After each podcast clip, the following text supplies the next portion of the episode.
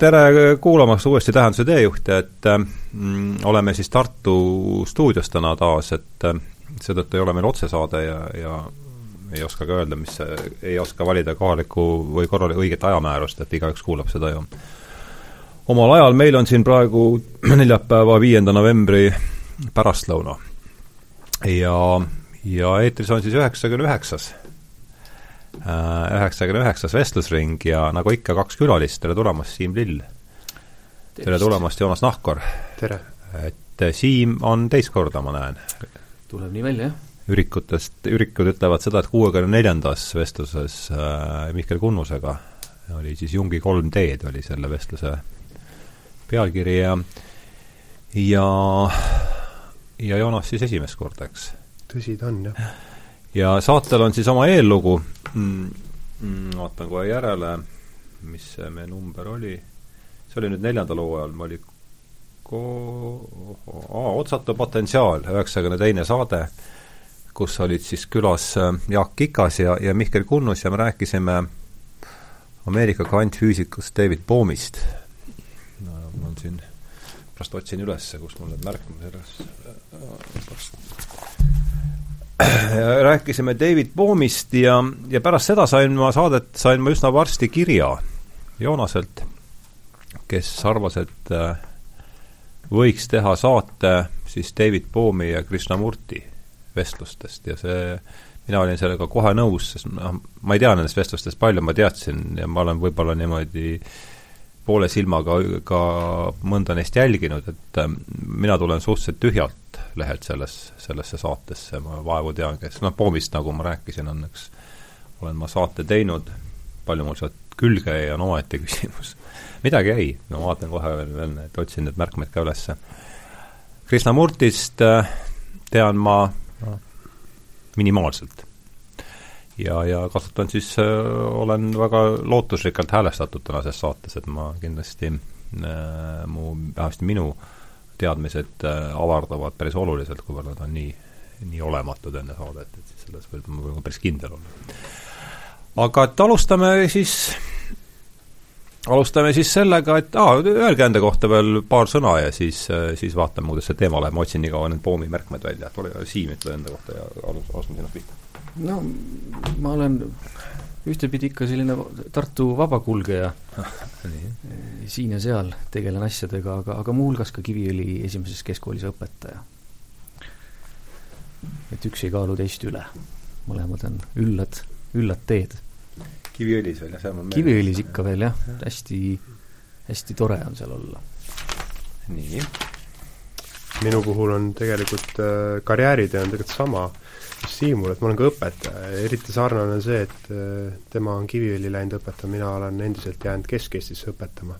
et kuigi oleme mõlemad tartukad, aga tegelikult ekspordime oma teadmisi kuhugi mujale noortele ja ja millegipärast need, need koolid on noh, Kiviõliga mul endal ka seost, et äh, nii palju tean, et seal on ikkagi väga särav äh, seltskond tööl ja ausalt öeldes, kui, kui valida kooli, siis see oleks nagu minu, minu top viies nii-öelda, et kuhu, kuhu minna õpetama, on ju. aga jah, eks see Äh, õpetajakutse on äh, tulnud ja tegelikult äh, ma mäletan, ühes saates oli, kus Tiit Aleksejev pidi ennast tutvustama, siis rääkis pool tundi täis tegelikult teema tutvustust juba aga võib-olla ma räägiks nagu sellest, et kuna ma olen selle saate, selles mõttes selle kirja koostaja, mis Hardo sai pärast seda eelmist saadet, siis ma võib-olla räägin natuke, et miks ma nägin olulisena seda, et seda teemat tõstatada üldse. et äh, ma olen äh, praegu nüüd viimase mõne kuu jooksul tegelikult äh, alles läinud tagasi sinna Krishnamurti ja Poomi maailma ja see maailm oli mulle vahepeal äh, nii-öelda suletud või, või noh, nagu kuskil taustal täiesti mingi kuus-seitse aastat. et põhjus selleks oli see, et mingisugune selline olukord, milles ma elus olin, sellises nii hilises täismeas kui ka siis, kui ma juba ülikoolis käisin, siis tingis selle, et ma otsisin mingisugust äh, lahendust enda mingisugusele lärmile, mis mu peas oli, kui nii äh, üldiselt väljenduda. ja, ja seda lahendust ma sain aru, et äh, ma ei saa seda sellistest äh, raamatutest ega tekstidest, mis võtavad nagu seda, annavad sulle sellise abi, et sa võtad nagu tableti sisse, aga sul on kohe parem et äh, mind kõige rohkem karastas see, kui ma kuulsin vist täiesti juhuslikult Krishnamurti ja Poomi sellist äh, dialoogi. või siis oli see Krishnamurti enda mingisugune äh, monoloog, ja, ja ma sain aru, et see, millega see mees tegeleb, ei ole mitte selline äh, rekreatiivne eneseabi, et, et sa lähed sinna ja sa tunned ennast koheselt paremini, vaid et see on mees, kes kutsub sind nagu sügavale enda sisse, et sa leiaksid sealt midagi, mida sa enda kohta ei tea ja, ja võib-olla selle läbi saaksid paremaks inimeseks. ehk siis äh, noh, äh, see oli see minu kogemus ja, ja ma sain selles mõttes abi, et äh, ta õpetas mind jällegi niivõrd palju küsima õigel hetkel õigeid küsimusi, et kui ma olin konfliktses olukorras oma elus, siis need küsimused kas vältisid mingi situatsiooni eskaleerumist või siis ma suutsin mingist konfliktist paremini välja tulla et ma ei loe ennast mitte mingil määral äh, valgustunud inimeseks, kuigi mul on selliseid äh, mitmetunniseid judinahoogusid mõnikord pärast mingi taipamisele tulemist, on ju, aga, aga ei, see on äh, selles mõttes minu jaoks selline noh, mõnes mõttes meetod olnud. Ja kui ma ühe sellise judina sain mingisugusest taipamisest, kuidas kellelegi inimesele andestada näiteks, ja see lahtilaskmine oli selline päris võimas emotsionaalne seisund, millesse ma sattusin siis äh, ma tundsin, et ma ei vaja enam Krishnamurtit ega Poomi ja, ja mul tekkiski niisugune pikk paus enne tänast või enne, enne neid kuid, mis nüüd tulid, et aga jah, et kui ma kuulsin seda saadet, mis äh, Hardo tegi sellest eh, dokumentaalfilmist, ma ei ole seda dokumentaali ise otsast lõpuni vaadanudki, ma selle olen selle kohta, selle kohta olen kuulanud jah, nüüd neid vestlusi, on ju, mis selle kohta käivad, ja äh, jäi sinna selline kõla, et David Bohm on number üks kvantfüüsik ja number kaks ta kuskil seal elu lõpus natukene libises mingitele esoteerilistele teemadele, mis tegelikult minu silmis ei paista selles mõttes õige, et noh, Siim ütles ka siin mingi perioodi vist, et umbes viisteist aastat oli neil Krishnamurtiga vestlusi, Bohmil ja Krishnamurtil, ja, ja kakskümmend aastat või rohkem oli tutvust, mis tähendab, et tegelikult nad läksid selle mingisuguse kvantfüüsika ideega, mis jälitab seda ontoloogiliselt õiget nii-öelda arusaamist maailmast, nad üritasid seda nagu selles vaimses ilmas nagu avastada. Et see, mida füüsik teeb nagu siis oma teoreetilistes arvutustes, siis nemad üritasid nagu oma dialoog, dialoogidega minna sama sügavale mm. -hmm. ja Poomi ilmselt viimastel, viimastel elukümnenditel huvitas nagu see eh, tohutult, et eh, et aru saada, kus see põhi on. isegi kauem isegi kauem, et vaadata tema elulugu, siis ta kuskil viiekümnendate lõpus äh, sukeldub pea ees filosoofia, religiooni, mütoloogia maailma, loeb järjest raamatuid mm. -hmm. et, et tal on see tohutu, tohutu selline mm, küsimus tekib, sest ta tuleb sellisest marksistlikust taustast, on ju, ta ühtepidi noh, on tunnustatud teadlane, aga teistpidi ta tahab väga, väga midagi ühiskondlikult ära teha ja tal on hästi palju küsimusi ja siis ta hakkab otsima neid küsimusi siis väljaspool seda oma tavapärast maailma, kus ta on üles kasvanud, mis toob muidugi ka vastureaktsiooni, me jõuame võib-olla selleni ka, on ju, teadlased, teadlase ringkond viskab ta välja, marksistid naeruvääristavad teda, on ju.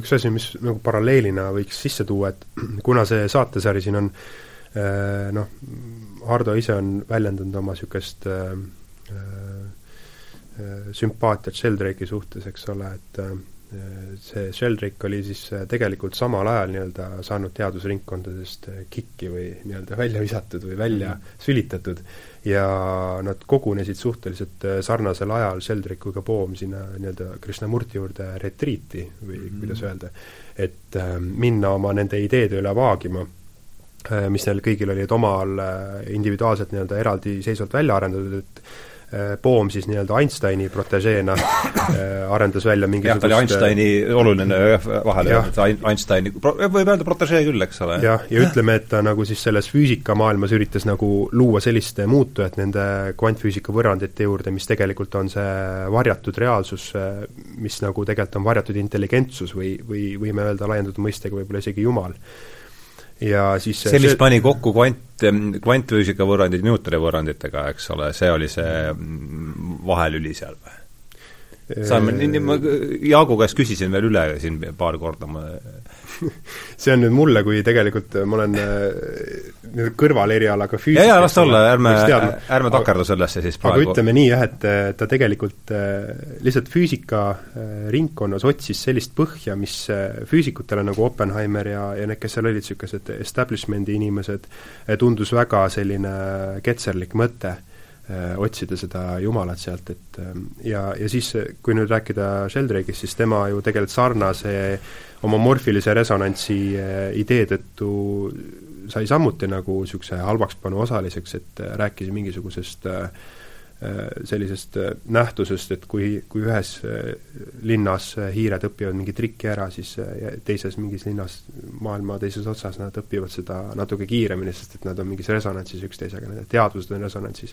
et äh, oli niisugune väga võõras asi äh,, ja nii, nagu Sheldrake ise seda kirjeldab pärast men-, meenutustes, on see, et äh, Krishnamurti äh, sidus need kaks inimest, Poomi ja Sheldrake'i enda juurde või noh, enda külge nii-öelda vestlustesse seetõttu, et äh, et nad olid nii avatud sellele ideele, et sellel mehhanistlikul, materjalistlikul käsitlusel on taga mingisugune taustsüsteem, mis on siis, võib, jõuame selleni mingi mõisteni, mis on mingi universaalne teadvus või või universaalne intelligentsus ja, ja see nagu neid äh, mehi vestlema ajendas, ma arvan mm. -hmm. Siim?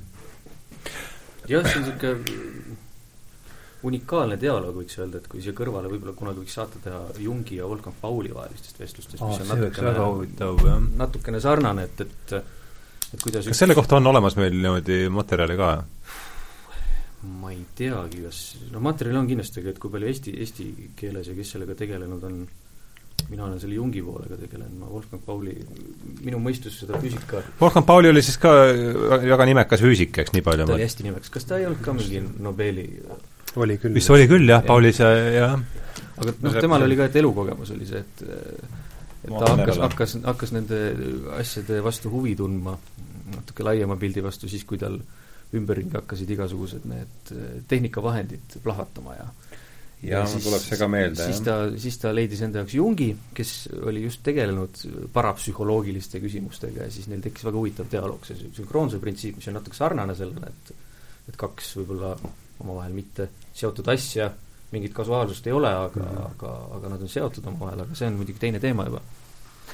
aga võib-olla Krishnamurtist võiks siis äh, natukene rääkida kõigepealt, enne kui me nende dialoogide juurde lähme, Poom ja Krishnamurti juurde, et kes see Krishnamurti niisugune oli? neljakümne viiendal aastal sai Pauli eh, Nobeli füüsikapreemia mm. -hmm. võib-olla tõesti muidu Decisive contribution through his discovery of a new law of nature, the exclusion principle of jah, nad, nad Jungiga andsid siis kahasse sellise jaa, vabandust, nii. kaksikraamatuga. ma sa-, sa-, takast-, takistasin sulle sinu juttu, vabandust. minul ei olnudki juttu, ma arvan, et Siim võikski avada selle Krishnamurti tausta. jah, avame jah, Krishnamurti tausta, jah. Krishnamurti on jah, on selline unikaalne, ma ei tea siis, kuidas ta, kus see õpetaja on vale, võib-olla öeldakse antiõpetaja või, või selleni me ka veel jõuame, aga siin on kaks õpetajat ja nüüd räägivad ühest antiõpetajast veel. õpetaja, kes ei tahtnud kunagi õpetaja öelda enda kohta, aga et see taust, kust ta välja kasvab, et noh, mis on minu suhe selle kogu Krishnamurtiga, ma ütlen ausalt, et ma ei ole ka Krishnamurti ekspert ja, ja mingitel nii-öelda otsinguaegadel, kui ma sattusin kokku Alan Watsi ja kogu selle kuuekümnendate aastate seltskonnaga, Aldous Huxley ja, ja, ja, ja kõige sellega, siis Krishnamurti oli seal kogu aeg olemas, ma olen kuulanud tema neid dialooge varasemalt, kus ta kohtus siis tuntud tolleaegsete budistlike õpetajatega, minu arust kas Tšegem Rumpa ja kellegagi veel, aga et ta on kuskil seal kogu aeg olemas olnud, aga niimoodi süvitsi olen ma just tema seda varajast nooruspõlve siis käsitlenud, sellepärast see läheb kokku minu mm, akadeemilise Äh, uurimistööga, mis on siis kahekümne sajandi alguse selline äh, alternatiivsed religioossed liikumised mm. -hmm.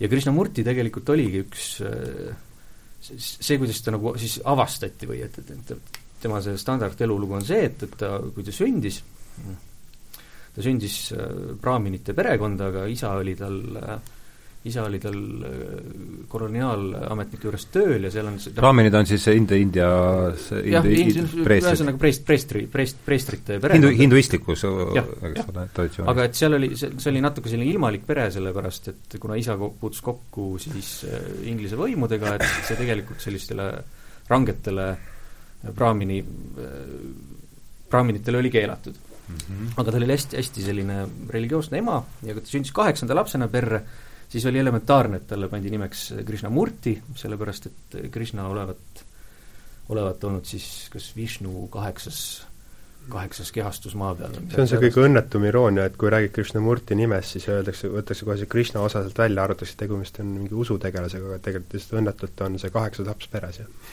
kaheksas laps, nojah, aga et see oli selline austusavaldus Kri- mm -hmm. Krishnale. ja, ja ta oli lapsest saati, oli selline sisse tõmbunud, hilisemad kirjeldused lausa ütlevad, et ta oli võib-olla kuidagi alaarenenud, teda kutsus, ühesõnaga paistis, et temast ei saa mitte midagi. aga kahekümne sajandi alguses olid äh, sinna Krishnamurti äh, elukoha lähedale pesa nii-öelda teinud teosoofid. teosoofi ühing, mis siis avat-, loodi tuhat kaheksasada seitsekümmend viis, Madame Blavatskaja, need omavahel läksid natuke seal tülli, tulid uued uued inimesed peale, Anni Besant ja, ja kas Blavatskaja on teosoofia niisugune esi, esi, üks esiprohvetitest, jah? noh, tema jah, tema on see, kes, kes, kes siis pani kokku selle ühingu ja, ja selle põhikirja Tõde on uskudest ülem ja et tuleb, tuleb uurida, mis siin see kolm, kolm suurt, suurt eesmärki oli, et luua vennaskond või siis noh, tänapäeval vennaskond, ma ei tea, kas nad on kuidagi teistmoodi sõnastanud, mis sõltumata siis usutunnistusest, nahavärvist, nii edasi, nii edasi Äh, siis võrrelda erinevaid uske, filosoofiaid, teadust, luua selline üldine süsteem ja, ja samal ajal uurida siis inimese ja, ja looduse varjatud äh, saladusi ja jõude mm. -hmm. aga teosoofid jõudsid omadega pärast rännakuid Indiasse ja siis üks säärane äh, väga karismaatiline kuju, kes teosoofide seas, teosoofidel oli kahte leeri, kus, kuidas seda nüüd hääldada, Leadbetter või? Leadbeater. Leadbeater, Leadbeater võib-olla. jah, Leadbeater, kes oli tuntud oma siis selgeltnägemisvõimete ja muude asjade poolt, läks üks hommik ujuma tuhat üheksasada üheksa oma kaaslasega äh, Ameerikas hiljem tunnustatud joogaõpetaja Ernest Wood. Ja siis ta jäi vaatama järsku rannal kahte poissi, üks oli Krishnamurti, teine oli tema vend, Krishnamurti istus niimoodi vaikselt sissepoole pööratud ja tegelikult noh, tundus nagu täitsa selline imelik vaikne poiss kuskil seal liiva peal. ja siis see Leadbeater ütles, et vot näed, et selle poisi näol on tegemist äh, millegi väga olulise, erilisega mm,. ja noh, ta tegi siis kõik, et see poiss nii-öelda endale saada, võitles välja eeskoste, ma ei tea, kuidas see tollane süsteem oli, tõenäoliselt rikas, rikas, mõjukas inglane suutis seda teha ja, ja põhimõtteliselt mis ta siis ütles, on, et Krishnamurti näol on tegemist uue maailma õpetajaga. et äh, see on keeruline teosoofiline süsteem, aga põhimõtteliselt seesama liin, mis siis äh, äh, läbi, ma ei mäletaks, läbi Bud-, läbi, ei, läbi Krishna, läbi Kristuse, siis nüüd on jõudnud Krishnamurtini, et see on siis see keha, kuhu ma ei tea, laskub siis või inkarneerub uus maailmaõpetaja. ütleme nii jah, et kus, kus kõik õige nii-öelda paika loksub ja nii-öelda ei ole vahet selle vaatleja ja vaadeldava vahel või noh, mis iganes see mõiste on, mida me siis spirituaalsest maailmast teame, et äh, jah, et temas see tõde on nagu kohal ja.. jah. ja selle ümber tekkis selline suur liikumine, kahekümnendatel aastatel see jõudis ka Eestisse, see oli Ida-tähe ordu. Äh, on minu arust on isegi pamflette kahekümnendatel aastatel Eestis, Eestis on äh, on, on säilinud. ja põhimõtteliselt siis kõik ootasid, et nüüd see suur, suur hetk tuleb ja Krishnamurti, noor Krishnamurti, teda muidugi õpetati, ülikooli ta ei saanud, ta ei läbinud eksameid või neid sisseastumiseksameid, mis tekitas teatud pettumust teosoofides, siis nad tahtsid teda ikka korralikult välja treenida ja, ja samal ajal siis noh, treeniti teda põhimõtteliselt välja jumala kehastuseks maa peal. Ah, niisugune plaan oli, jah? mitte vähe ambitsioonikas. mitte vähe ambitsioonikas, jah, ja, ja, ja mul on siin kaasas ka Krishnamurti esimene raamat siis, mis väidetavalt on, mille ta siis pani kirja, kus üks teosoofide õpetaja siis kuskil, ma ei tea, vaimses maailmas talle andis need õpetused edasi ja Krishnamurti pani kirja. aga juhtus igal juhul see, et kuskil kahekümne üheksandal aastal, enne seda Krishnamurti, ta on kirjeldanud, või teised on õigemini kirjeldanud, siis sellest varasemast ajast Krishnamurti enam pärast ei rääkinud Äh, teda tabasid sellised tugevad müstilised kogemused, kus ta tunnetas sellist noh, tüüpilised müstilise kogemuse kirjeldused ühtsust maailmaga, oli sellises, ma ei võiks öelda, šamanistlikus haiguses peaaegu lausa nädal aega Mhm. palavikus, kõikus elu-surma vahel, samal ajal koges neid see on siis see Jungi kategoorias šama-, šamanistlik initsiatsioon või midagi taolist või? noh jah, niisugune traditsiooniline lugu, et kui sa Jaa. tahad šamaaniks saada, siis sa pead kõigepealt äh, võitlema teemonitega ja olema seal kuskil teises maailmas ära. mm. -hmm. ja ja siis see juhtus kakskümmend üheksa, sa ütled? need kogemused oli varem, mis, millal ta sündis, ütle palun veel? tuhat kaheksasada üheksakümmend viis. üheksakümmend viis, jah. jah. ja siis kuskil kahekümne üheksandal aastal, jah, kahekümne üheksandal aastal, kui kõik ootasid, et nüüd, nüüd ta tuleb välja selle, sellega, et maailmaõpetaja on nüüd kohal, siis Krishnamurti ütles äh, avalikult, et äh, see mm, idatähe ordu äh, või, või ühing äh, on nüüd läbi, ta lõpetab selle, ta ei ole maailmaõpetaja äh,, ütles, et üks, ükski usutunnistus või ükski õpetaja ei saa viia sinna, kuhu, kuhu on vaja jõuda. et sinna jõuab ainult igaüks ise ja et äh, kuulus lause, et tõde on nii-öelda siis radadeta, radadeta maastik või et see on tema lause, jah? kuidas? see on tema lause?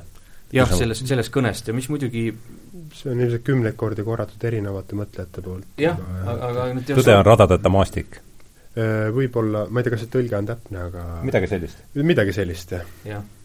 mis muidugi äh, lõi niigi killustunud teosoofid veel rohkem laiali ja, ja siis hakkab see Krishnamurti nii-öelda elu teine osa, ta ise ütleb, et, et sellest varasemast ajast, enne neid müstilisi kogemusi, mis olid kahekümnendate aastate lõpus kuskil seal enne, enne seda kõnet, et ta ei mäleta midagi.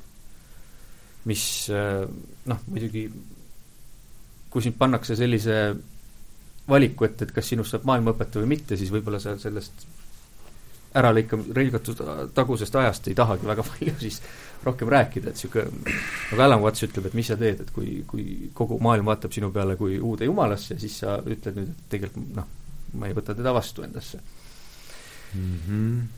ja aga ta jätkab, jätkab siis, ma ei tea, või jätkab, ühesõnaga ta, ta jätkab nüüd teistmoodi, ta hakkab, hakkab teistmoodi õpetama. kuidas täpselt, me kohe arutame, aga kui lühidalt elukäik äh, veel võtta ette, siis kuskil kuuekümnendatel aastatel äh, minu arust Äla-, see Aldous Huxley leiab ta ja siis just tänu Aldous Huxley'le ta saavutab sellise Ahah. laiema tundsuse, sest Huxley kirjutab raamatutele eessõna, nad isegi elavad mõnda aega ühes kohas. ja nende arusaamad on, on küllaltki sarnased, just see sõdade järgne mm, see patsifismi küsimus ja, ja, ja Huxley õpib ka Krishnamurtilt mingeid noh, üritab Krishnamurtit jälgides siis ka mediteerida ja, ja mida kõike Mhm. teha, aga Huxley on selline püsitu inimene, et, et lõpuks ta leiab endale meskaliini ja ja, ja jääb selle meskaliini juurde püsima, et jah, see narkootikumide küsimus ongi ju see, mida Krishnamurti väga selgelt noh, ütleb, et see ei ole mitte mingisugune tõsiseltvõetav meetod üldse mm. -hmm. kuigi ta oli noh, joogapraktikatega hästi tuttav ja niimoodi, aga, aga kindlasti mitte ained, jah. Alan Watts, kes, kes tegi ka LSD-d, mis Hoffmann kuuekümnendatel avastas, et ta ütles ka, et, et see noh, see on autentne kogemus, aga et see pole talle midagi uut, et rohkem ei ole vaja teha. Mm -hmm. Et see vaidlus tollal käis jah, et paljud need veel India õpetajad, kes olid tulnud just äh, Ameerikasse, ütlesid, et võib-olla kuskil ma ei tea, õpetuse algfaasides siis kasutatakse mingeid neid aineid selleks, et õpilased nagu protsessi kiirendada, aga et aga see on jälle teine teema. jah, seal üks teooria on lihtsalt see, et see mm, psühhedeelne kogemus annab üldse aimu, kuhu on võimalik meditatsiooniga jõuda mm. -hmm. ma arvan, et see on võib-olla, ja see tundub olevat täitsa niisugune noh, selles, selles jutus nagu tundub midagi olevat, aga ärme, ärme sellesse takerdu. aga jah, ühesõnaga Krishnamurti siis kolib Ameerikasse, siis kui maailm jälle lahti läheb, minu arust võtab India kodakondsuse. see on niisugune sümboolne sellist fakti ma küll ei mäleta, ma ei tea, võib-olla tõesti. kuskilt tuleb ette ja rändab mööda maailma ringi, peab dialoog David Bohmiga, me lugesime siit enne, et, et on vähemalt lindistatud või, või üles märgitud on neid sada nelikümmend neli. Sada nelikümmend neli dialoogi Poomiga, jah? jah, aga neid teisi dialoogipartnereid on tal veel, et, et temast saab selline mõnes mõttes saab temast maailmaõpetaja, nagu teosoofid tahtsid, ainult et teises võtmes. ainult et hoopis teises võtmes, jah. selles häda on jah, et see küsimus võib-olla, mis äh, vasardab nüüd, on see, et kas ta on õpetaja või ei ole, et et äh, ta dialoogi, kui te ei ole kuulanud, on ju, siis dialoogi läbimise viis, kas ta teeb seda üksi või kellegagi koos, tegelikult ei ole väga vahet, sest ta niikuinii enamasti, kui ta on dialoogis kellegagi, siis ta räägib üheksakümmend protsenti ajast mm. -hmm. et mis juba on üks tunnus, et tegelikult ta on mingisugune õpetaja paistuga inimene ilmselgelt. et äh, see, kuidas ta inimesi juhib äh, sellel teel, sellel dialoogil, on see, et ta ei räägi seda aega ka täis, vaid nii nagu hea õpetaja kunagi, ta peab ikkagi sellist äh, pidevat äh, küsimist nagu kõige õigemaks meetodiks, et äh, ja see küsimuste vahel on väga palju mõttepause, vaikust, mõni selline dialoog võib tunduda täiesti tühine ja mõttetu, kus poolteist tundi sisuliselt äh, ta nagu takerdubki ühte küsimusse, millest ta ei lase oma vestluskaaslastel ka üle liikuda, ilma et see oleks saanud mitte vastuse, aga ilma, et see oleks saanud mingi rahuldava reaktsiooni üldse, noh et et selles mõttes alati, kui dialoogi siseneda või seda kuulata, seda tema universumit seal, siis tekib tunne, et ta teab täpselt, kuhu ta tahab jõuda, aga tema vestluspartner veel ei tea ja ta üritab võimalikult palju küsimusi küsida, et sinna, sinna liikuda, eks ole jah, et siin võib öelda, et, et kindlasti kes on Krishnamurti, tekitab huvi, et maksab kuulata ja kui võimalik, siis mingit dialoogi vaadata, kus ta ise nagu noh,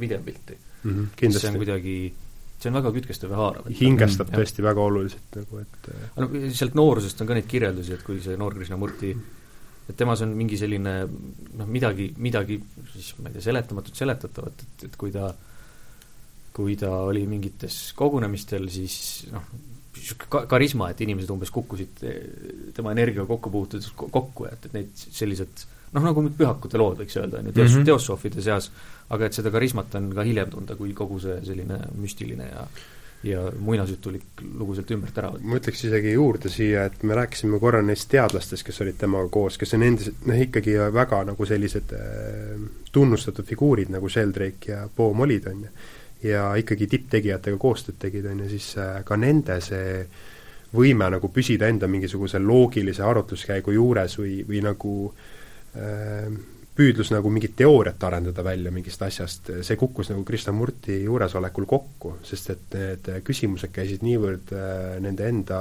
hinge, nende enda inimeseks olemise pihta justkui, et et äh, nad ei luba, see Krishnamurtiga vestlemine ei luba sul minna mingite teiste autorite maailmadesse äh,, avastada sealt mingeid väikseid faktikillukesi ja siis neid kokku laduda niimoodi huvitavatesse, erutavatesse konstruktsioonidesse, vaid eh, see vestlus on eh, väga niisugune nagu noh, võtab nagu jõuetuks mõnes mõttes, et miks ma ütlesin algusest juba, et ta ei ole rekreatsiooniline autor, on ju, et ta ei luba sul püherdada mõnusalt ideedes mm, -hmm. vaid eh, ta ikkagi kutsub sind noh, ennast avastama väga, väga tõsiselt, jah. jaa, ja see on niisugune klassikaline meetod, võiks siis öelda, et mitte, mis praegu on hästi võõristav võib-olla, peab hästi palju joonealuseid ja viiteid olema, et aga see on just see see klassikaline nagu noh, ma, ei tea, üks, ükskõik kuhu ühiskonda tagasi minna, kuidas õpetamine käis, et sa tegeled mingi teemaga, sa lähened ühele samale asjale erineva nurga alt, tuled tagasi, kui sul on rohkem teadmisi, jõuad, jõuad tagasi, et see on niisugune nagu spiraalis liikumine. no seda wisdom tradition mingi niisugune vist või, nimetatakse seda ka või? Ma ei teagi. sellist mõistet ka ei tunne. no ma saan öelda selles mõttes, et ma tun-, mõtlesin just enne, kui siin Siim ütles oma selle lause, et et mul on siin mingid lehed, on ju, märkmetes, mida ma umbes nende arutelude ajal tegin ja need ei ole mul kaugeltki pähe õpitud märkmed, sest et noh, seda asja, mida nad edasi üritavad anda, ei saagi pähe õppida, aga lihtsalt, et need tegelikult saaks koondada, need kuus lehekülge siin ka mingisugusele ühele leheküljele või isegi vähemale alale kokku, lihtsalt need on väga erinevad viisid erinevad nurgad, kuidas ühele samale asjale läheneda. et ega neid teemapunkte Krishnamurtist arutledes ei olegi üldse palju lihtsalt neid lähenemisviise, kuidas muuta seda tema edasiantavat mõtet arusaadavaks, neid lähenemisviise on lihtsalt hästi palju. aga hästi, me oleme see Krishna pooltunnikest on läinud, et mm -hmm. oleme Krishnamurtiga valdavalt tegelenud, et Poomist on meil küll omaette saade olnud, et teist poolt tundi Poomile pole mõtet pühe, pühendada, aga öelge oma arusaamine ka, et kui meil jutt on Krishnamurti ja Poomi dialoogidest, et siis vähemasti teeme ühe ringi ka Poomile peale, et mida ta teie jaoks äh. Mida ta teie jaoks või noh, teie arusaamine poomist, nii palju kui on kvantfüüsikas võimalik üldse aru saada lihtsurelikult võib-olla vaadatakse minu otsa seetõttu, et ma nagu füüsikaga natukene tegelen ja võib-olla isegi see põhjus, miks ma tegelen füüsikaga natuke, on äh, on Poomist äh, nagu inspireeritud natuke mm. isegi. isegi nii, jah? jah, võib-olla isegi ütle, ütleksin isegi nii, ma ei mäleta seda momenti küll, kus ma otsustasin mingit füüsikat äh, ülikooli tasemel natuke õppida, aga ütleme, paar aastat, aga, aga see ikkagi Poomi need teoreetilised kirjatükid minu kätte jõudsid ja ma sain aru, et mul on vaja vähemalt kuus aastat veel vist õppida, et aru saada neist üldse, mida ta üritab füüsika keeles öelda. mistõttu seda nagu teemat võib-olla ongi õigem, kui räägivad siin näiteks a la Jaak Ikas ja sellised inimesed, on ju, mida see füüsikas tähendab. ja selleks tõesti soovitan seda saadet, mis on nagu väga äge füüsika lühikursus, see, seesama Infinite Potentiali saade, eks ole, siinsamas mm -hmm. saatesarjas. aga mida ta tähendab nagu äh, minu jaoks äh, nendes vestlustes ma saan seda öelda küll, et äh, miks on minu jaoks oluline mitte see, mida Krishnamurti üksi rääkis kuskil pjedestaalil istudes, noh, selles mõttes jällegi õpetaja tunnus, et ta istus ikkagi kuskil mingi trooni peal ja, ja mingisugune kolmsada inimest kuulab sind, siis selge, et sa oled ikkagi õpetaja, on ju, eita seda või mitte. aga, aga Poom nagu äh, kuulas teda ja väga vajalikel hetkedel, kui äh, äh Krishnamurti vajus mingisugusesse roosasse mutta nii-öelda, roosa muda tähendab siis seda eneseabimuda, mis äh, on äh, kõik see kirjandus täis, kus räägitakse igasugustest äh, väga üldistest mõistetest, millele on võimatu nagu sellist noh, et, et nad nagu justkui kasutas mõisteid, mis omavahel täiesti vastanduvad kahes erinevas kontekstis, et kasutas sama mõistet näiteks kahes eri kontekstis ja, ja siis Poom oli nagu see, kes oma teadlase pilguga ütles talle, et et äh, või noh, tõmbas teda nagu nii-öelda maa peale tagasi, ütles, et kuule, et neid mõisteid ei ole võimalik praegu ühildada, sinust ei ole võimalik aru saada. väga lihtsalt öeldes oli see see, et see kümme protsenti ajast, kui Poom rääkis, siis ta kas võttis kokku mingi Krishnamurti mõtte, mida ta oli üritanud küsimustega seal pool tunnikest äh, noh, nagu avada, nagu et jah, et ma sain aru, on ju, ja nüüd siis pani selle väga selgesse keelde, millest näiteks mina ka tavainimesena aru saan. Mm, -hmm. et Krishnamurti ise näiteks, ma neid raamatuid väga ei väärtusta, mis tema Äh, on kas tema isiklikud monoloogid või siis äh, kus ta kirjutab äh, päriselt, et eesti keeles on see Üks ja ainus vabadus, mis on Krishnamurti autorlusel sündinud raamat, ja siis Vabanemine teadaolevast, mis on tegelikult tema monoloogide ümberkirjutused, eestikeelsed tõlked, et neis mõlemis on neid auke hästi palju, kus ta jääb nagu ise oma sellesse rattasse ringi käima, nagu sa ütlesid, Siim, et sa nagu kasutad meetodina seda, et sa lähened väga erinevate nurkade alt, aga tema võib-olla ise ei too sealt seda essentsi välja, mida Poom suutis nagu kuidagi hästi ilusti välja öelda, et minu jaoks need laused, mis siin kirjas on, on enamasti Poomi laused. kuigi mm -hmm. ta mhm. väga lühikese osa ajast rääkis, aga tema suutis niimoodi välja öelda, et ma saan võttis kokku asjad? jah, just niimoodi. et tema on see nagu, kes äh, selles mõttes Krishnamurtit täiendab. tõlgib meile arusaadavasse keelde ma ütleks niimoodi, et ta on mingisugune interpreet seal vahel tõesti. jah, väga huvitav Siim, tahad sa lisada sellele? sinu arusaamine kokkupuude poomiga no,? minu kokkupuude poomiga on olnud väga põgus ütleme niimoodi, sest ma olen niisugune äh, läbinisti humanitaar ja, ja, ja, see kokkupuude ongi olnud läbi selle, et, et, et Poom on siis ka selgelt tunginud humanitaaride alale äh, heas mõttes. aga nüüd, kui ma natukene seda tausta uurisin, siis see tundus väga huvitav äh, just see, et Poom ja Krishnamurti ja see, kuidas nad olid hästi pikalt, hästi pikalt olid sõbrad ja, ja Poom, kes terve elu võitles depressiooniga ja, ja võitles, võitles selliste, just sellise eksistentsiaalse depressiooniga. Just, et kuidas ta läbi nende dialoogide üritas, üritas sellest siis läbi murda ja teiselt poolt see Krishnamurti, kes, kes kuskil raamatus oli lausa kirjas, et, et, et ta natukene nagu lootis, et, et noh, Poom, kes oli temast vist üks pea kakskümmend aastat noorem, et Poom võib-olla jätkab natuke seda, mida tema teeb. ja seal on selline pingestatus, sellepärast et äh, nagu Krishnamurti ka kuskil kirjeldab, et, et ta näeb seda, kuidas, kuidas Poomil jääb see mingi selline psühholoogiline läbimurre jääb tegemata. et ta ta ei saa sellest nagu välja. Poomil tekib üks häda, et äh, ta rakendub oma teadlase vaistu nende samade dialoogimaterjali peal nii-öelda, mis Krishnamurtist on saadud, et et äh, kui äh, võttagi kokku see, mida Poom on kirjutanud pärast raamatutes, noh, missuguseid teoseid ta on loonud, siis seal on väga keeruline niisugune sõnavara, mis käib juurde ja mis on lausa üleliia keeruline selleks, et sellist äh, teemat käsitleda, ta üritab luua ikkagi teoreetilisi konstrukte selle tabamatu asja ümber, mida Krishnamurti kirjeldas, ta üritab luua dialoogi meetodit, mis võimaldab seda sama kogemust, mis ta Krishnamurtiga sai korrata ja see dialoogi meetod ka äh, noh, ta mõned korrad teeb seda ja kukub läbi, see ongi tuntud Poomi dialoog, on niisugune täitsa äh, mõiste. Mm, -hmm ja, ja kõik see nagu näeb natuke tehislik välja, et kui ma nagu teiselt poolt olen kuulanud ka nagu Poomi monoloogis selles mõttes, et kuidas ta nagu üritab ühte arutelugruppi vedada, siis siis seal ta ikkagi kasutab neid oma, oma äh, selliseid keerulisemaid mõisteid, mis ta hiljem äh, nagu avastab, et on tark rakendada, näiteks meditsiinilistest terminitest ta võtab üle niisuguse asja nagu propriotseptsioon, see on nüüd väga keeruline asi Eh, kas teate, mis see on? ei ole õrna pole propriotseptsioon on see, et ma saan igal hetkel aru või tajun oma käte asendit või jäsemete asendit. et seda, või noh, üldse keha asendit, et et see on nagu tunnetus sellest, et kui näiteks minu poole mingi asi tuleb, ma suudan kohe käe ette tõmmata, eks ole, et mulle lendab mingi asi vastu pead, on ju, et ma panen kohe käe ette ja ma tean, kus mu käsi sel hetkel on, et ma seda liigutada saaks. et see on niisugune täiesti alateadlikult minu integraalne osa, et ma tean, kus mu käed parasjagu on kui ma ei teaks, kui ma ei tunneks praegu oma käsi, siis ma tunneks ennast väga imelikult, on ju. ja nüüd äh, ta laiendab seda meditsiinilist terminit äh, või füsioloogilist asja siis nagu mõistuse juurde.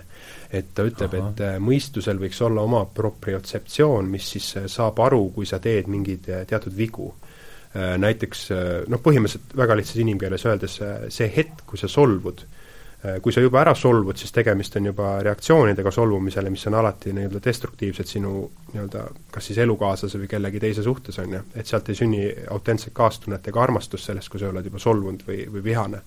aga mm -hmm. propriotseptsioon peaks olema see teadlikkus, mis võimaldab sul jälgida seda mõtteprotsessi, et see ei laskuks sinna, et, et ta ei saaks pihta nii-öelda väga huvitav.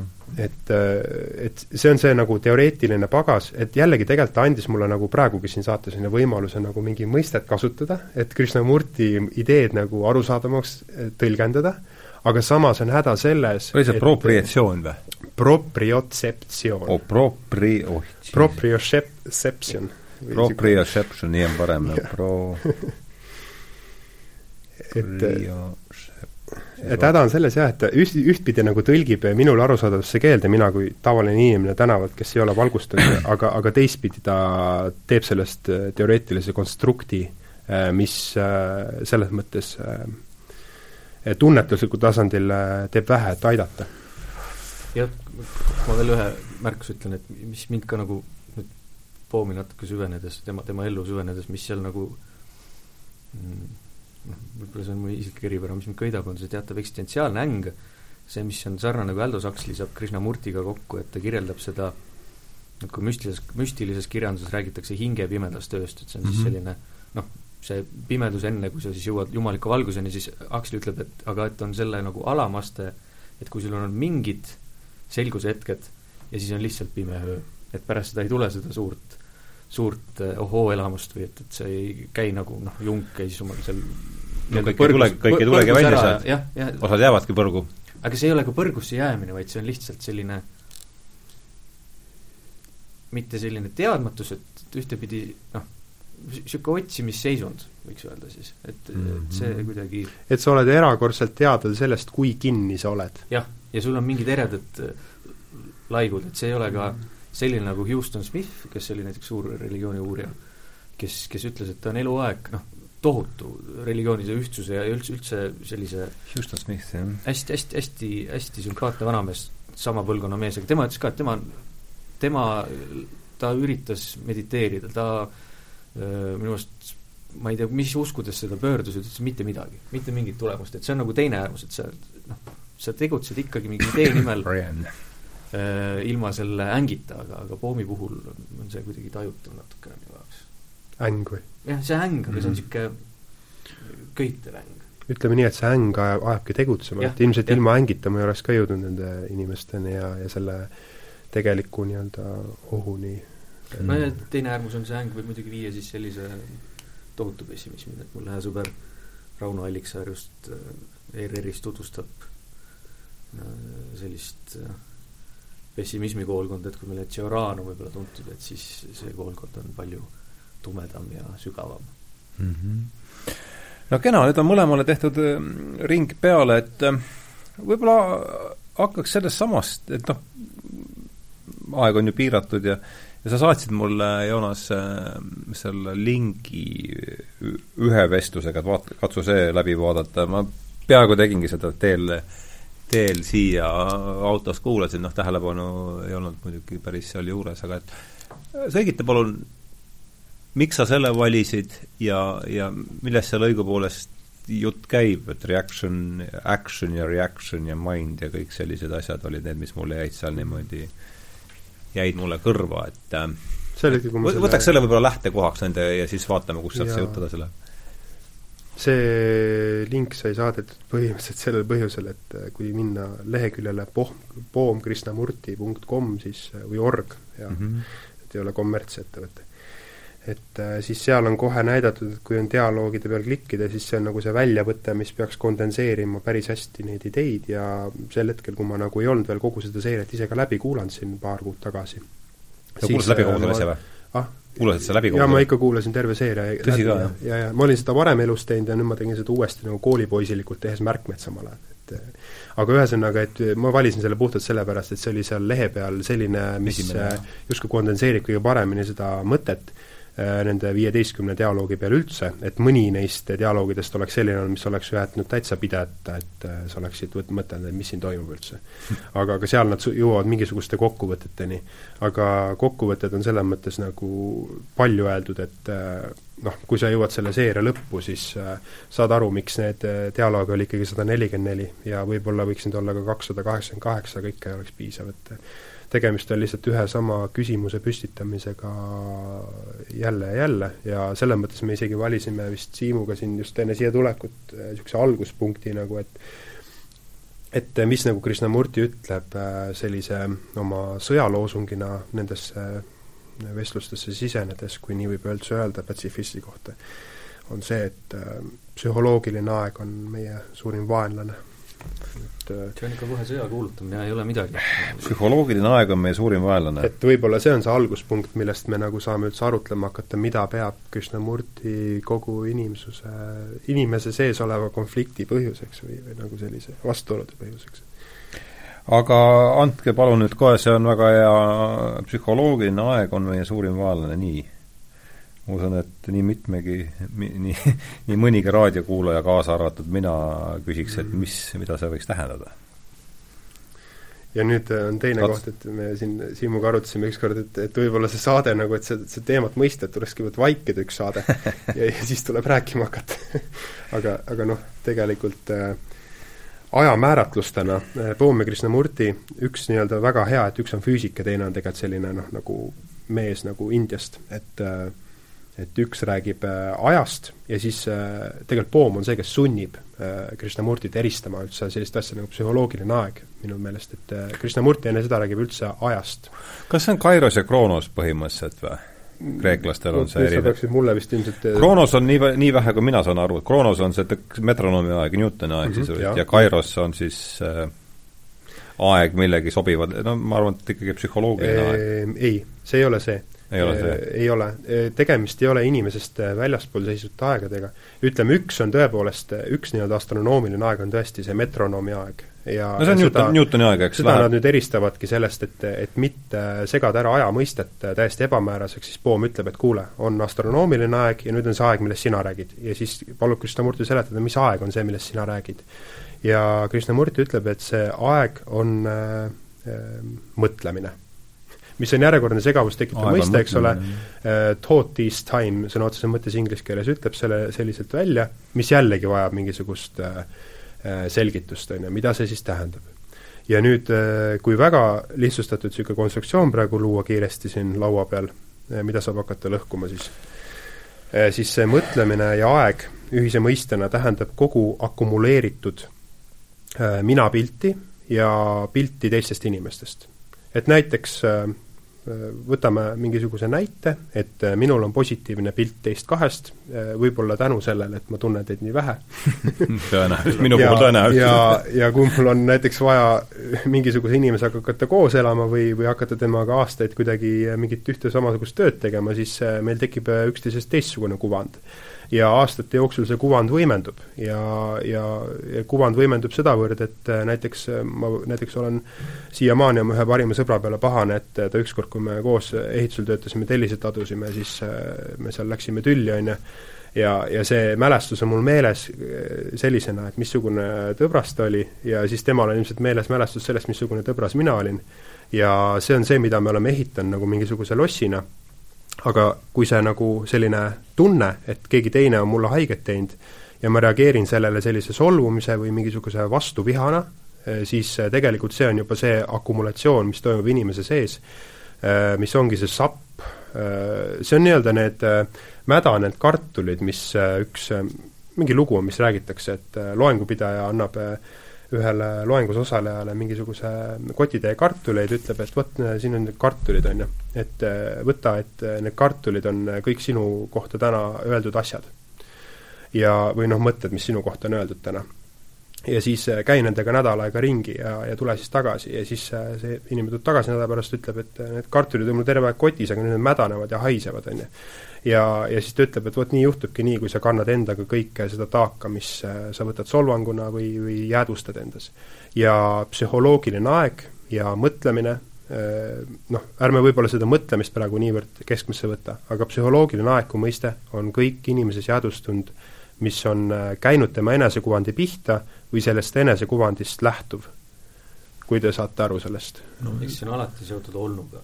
olnuga, jah ja seetõttu Krishnamurti esi, esialgu intuitiivselt kumuleerunud minevik siis või mm? -hmm jah, akumuleerunud, aga selles mõttes psühholoogiline minevik, et näiteks äh, sinna sekka ei käi see äh, fakt, et ma tulin näiteks täna äh, hommikul jalutasin last, siis ma tegin äh, süüa kodus ja ma tulin siia mingit teatud teed pidi, mul on kõik need faktid meeles. see ei ole akumuleerunud äh, psühholoogiline aeg.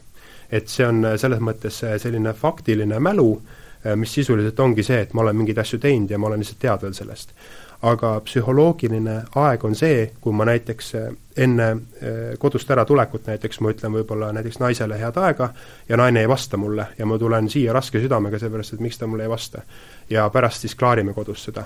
et see on psühholoogiline aeg ja mhm. psühholoogiline kinnijäämine mingisugusesse solvumisse või, või mälestusse. on see siis ainult niisugune negatiivne pool või seda, seal on ikka ka sellised positiivsed asjad? siin on ka nüüd teine pool, et eh, kui ma räägin nagu kõige lihtsustatum näide on see negatiivne, sest iga inimene tunneb endas ära selle, kuidas mingi äng jääb sulle sisse kinni, seepärast et keegi inimene julges sulle ometi midagi teha, eks ole, et sul on nii tugev mingi enesekuvand, et noh, nii-öelda ego mõiste mm, -hmm. eks ole. aga aga on ka niisugune asi nagu nauding eh, ja räägingi lähtuvalt sellest, mis Krishnamurti nimetab sõnaks eh, pleasure see nauding tähendab siis seda, et äh, liikumine millegi poole, mida hetkel ei ole, aga mille suunas ma väga tahan liikuda. ja selle liikumise ajal, kui ma seda asja üritan äh, saavutada või, või taas nagu noh, taas kinni püüda mingit head mälestust, siis sel ajal, kui ma sinna liigun, ma tegelikult ei ole ju nagu rahul oma hetkeseisundiga. et see on nagu see tavapärane jällegi seisundi äh, kirjeldus, et miks ei tasu äh, nii-öelda üritada saada millekski kogu aeg, et seda ütleb äh,, Krishnamurti kasutab siis inglise keeles sõna becoming ehk siis millekski saamine. et see pidev saamine, näiteks ma olen mingisugune võistlusala esindaja, ma olen kettaheitja, ma tahan saada maailmameistriks.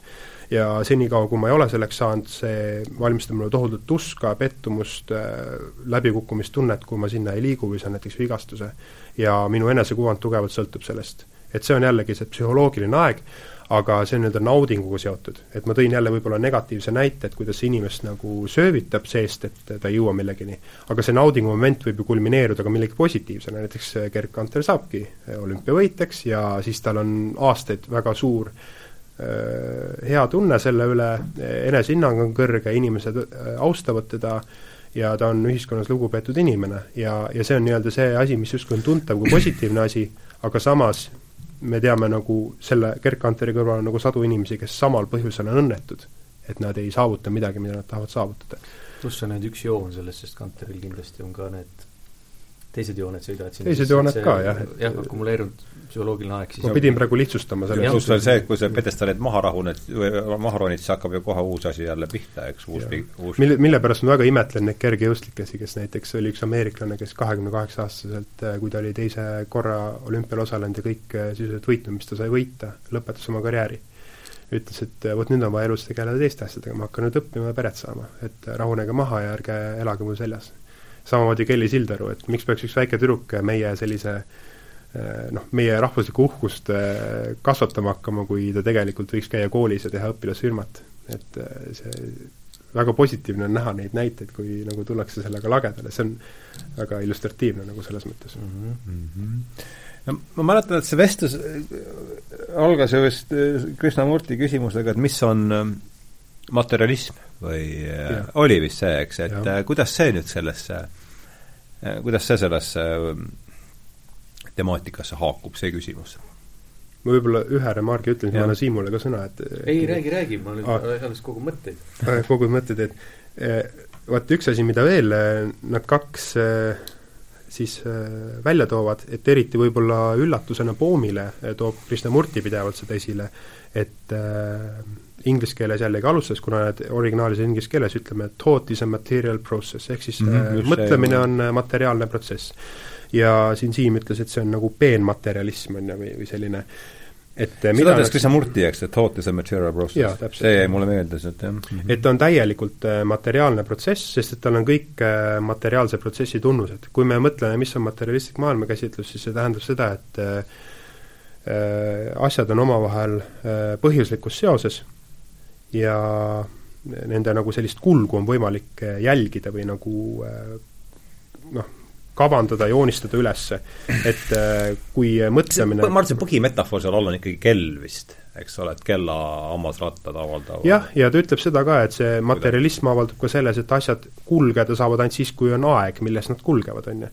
et aja, ilma ajata asi ei saa kulgeda. ja üks hammas rõhub ikka teise peale ja niimoodi mm -hmm. see mhm. läheb siis, eks. ja ongi niimoodi, et näiteks äh, Hardo, sa ütled mulle halvasti, on ju, sa ütled mulle, et äh, et ma võib-olla noh, mis iganes, ütled mulle mingi solvangu kui see solvang kohale jõuab sellisel kujul, et äh, mina äh, selles mõttes äh, sinu, sinu hammasratta liigutus, on ju, liigutab minus seda, et ma ei ole see. ta praegu, on ju, ütles minu kohta midagi halba, kas ta siis ei väärtusta mind või kas ta ei pea minust lugu. see on reaktsioon. ja nüüd, kui ma seda välja ei ütle, siis minu sees ikkagi on see reaktsioon juba tekkinud.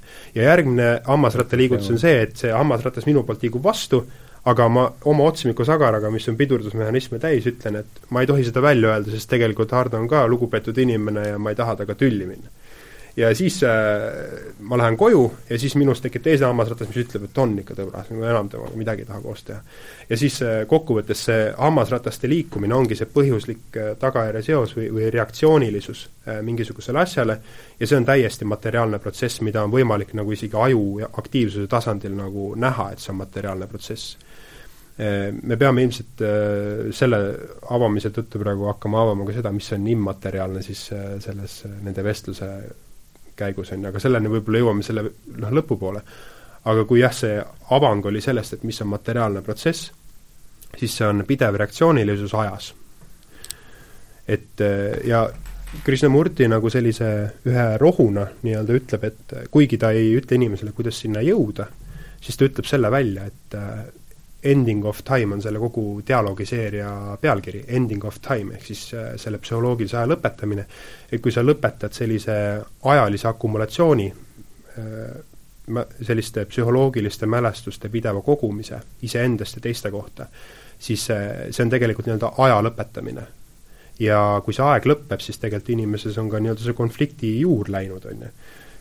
siit see sõjalause, et miks see psühholoogiline aeg on kõige suurem vaenlane ma panin praegu sellise lause kirja, et materiaalne protsess on pidev põhjuslikus ajas, et kas ma kirjutasin selle, oled sa nõus sellega, et ma sul valesti nüüd ma ütleks nii, et see on, see on üks tunnus, mida nemad siin oma dialoogis ütlevad, et see on, see on selle väljendus, et, et sa saad jälgida tõesti seda pidevat põhjuslikkust. see on see et, klassikaline, et kui, et see duaalsus tekib siis, kui tekib mingi kasuaalsus, mingi eristus mm. -hmm. kui see eristus ära kaob, siis kaob ka nagu vajadus rääkida mateeriast ja mittemateeriast no Krishnamurti tulenevalt on ida traditsioonist, ta on mittedualistlik, ma kujutan ette, mõtleja või? vot Krishnamurti puhul me ei saa öelda, et tuleb traditsioonist, see ongi häda. see on no, muidugi ikkagi... vaidlusküsimus, aga, aga noh, võib-olla siis võib no sealt on pärit vähemasti. ida traditsioonis on võib-olla nende samade teemadega jõulisemalt tegeletud mm. -hmm. aga seal ei ole võib-olla väga vahet, sest ta, ta räägib universaalsetest protsessidest, see räägib noh, praegu jälle on raske öelda, et ta räägib asjadest nii, nagu on, vähemalt ta ise ütleb, et noh, ta räägib asjadest nii, nagu on, et põhimõtteliselt võib öelda, et see on, on sarnane mingile budistlikule teele mm, -hmm. et noh, jälle see, et isiksus kasvab välja siis põhimõtteliselt just nendest samadest ajalistest protsessidest, mis omakorda on seotud tugevalt on mõtetega mm, -hmm. kui sa need ära lõikad, siis põhimõtteliselt kaob ka isiksus, on ju. Ja mis ta ütleb, on ju, et need ajalised protsessid, ta ei ütle, räägi kannatust, ta räägib kurbusest enamasti, on ju, sorrow mm. -hmm. aga noh, põhimõtteliselt süsteem on sama. jah, aga, aga noh, kas ja üks aspekt, mis siia juurde öelda, et miks veel väljendada seda, miks on see aeg selline vaenlane, et lisaks sellele, et minu peas käib mingi pendlina edasi-tagasi see, et Hardo ütles mulle halvasti ja ma olen solvunud ja, ja siis noh, me saame aru, kuidas see minu pea sees toimub, eks ole, siis äh, Krishnamurti ütleb selle kohta, et äh, see pidev reaktsioonilisus on nagu paralüüsi erivorm äh,. Is a form of paralysis, see tähendab, et äh, sa tegelikult paralüseerid ennast äh, sellest, et sa saaksid selgelt kontakti mingisuguse kas kaastunde või armastustundega mis ma võiksin tegelikult sinu suhtes väljendada, et ütleme, kui keegi inimene nüüd solvab, siis enamasti on ju selle tõttu, et ta ise on mingis mõttes tasakaalutu sel hetkel, kui ta selle solvangu minu suhtes teeb.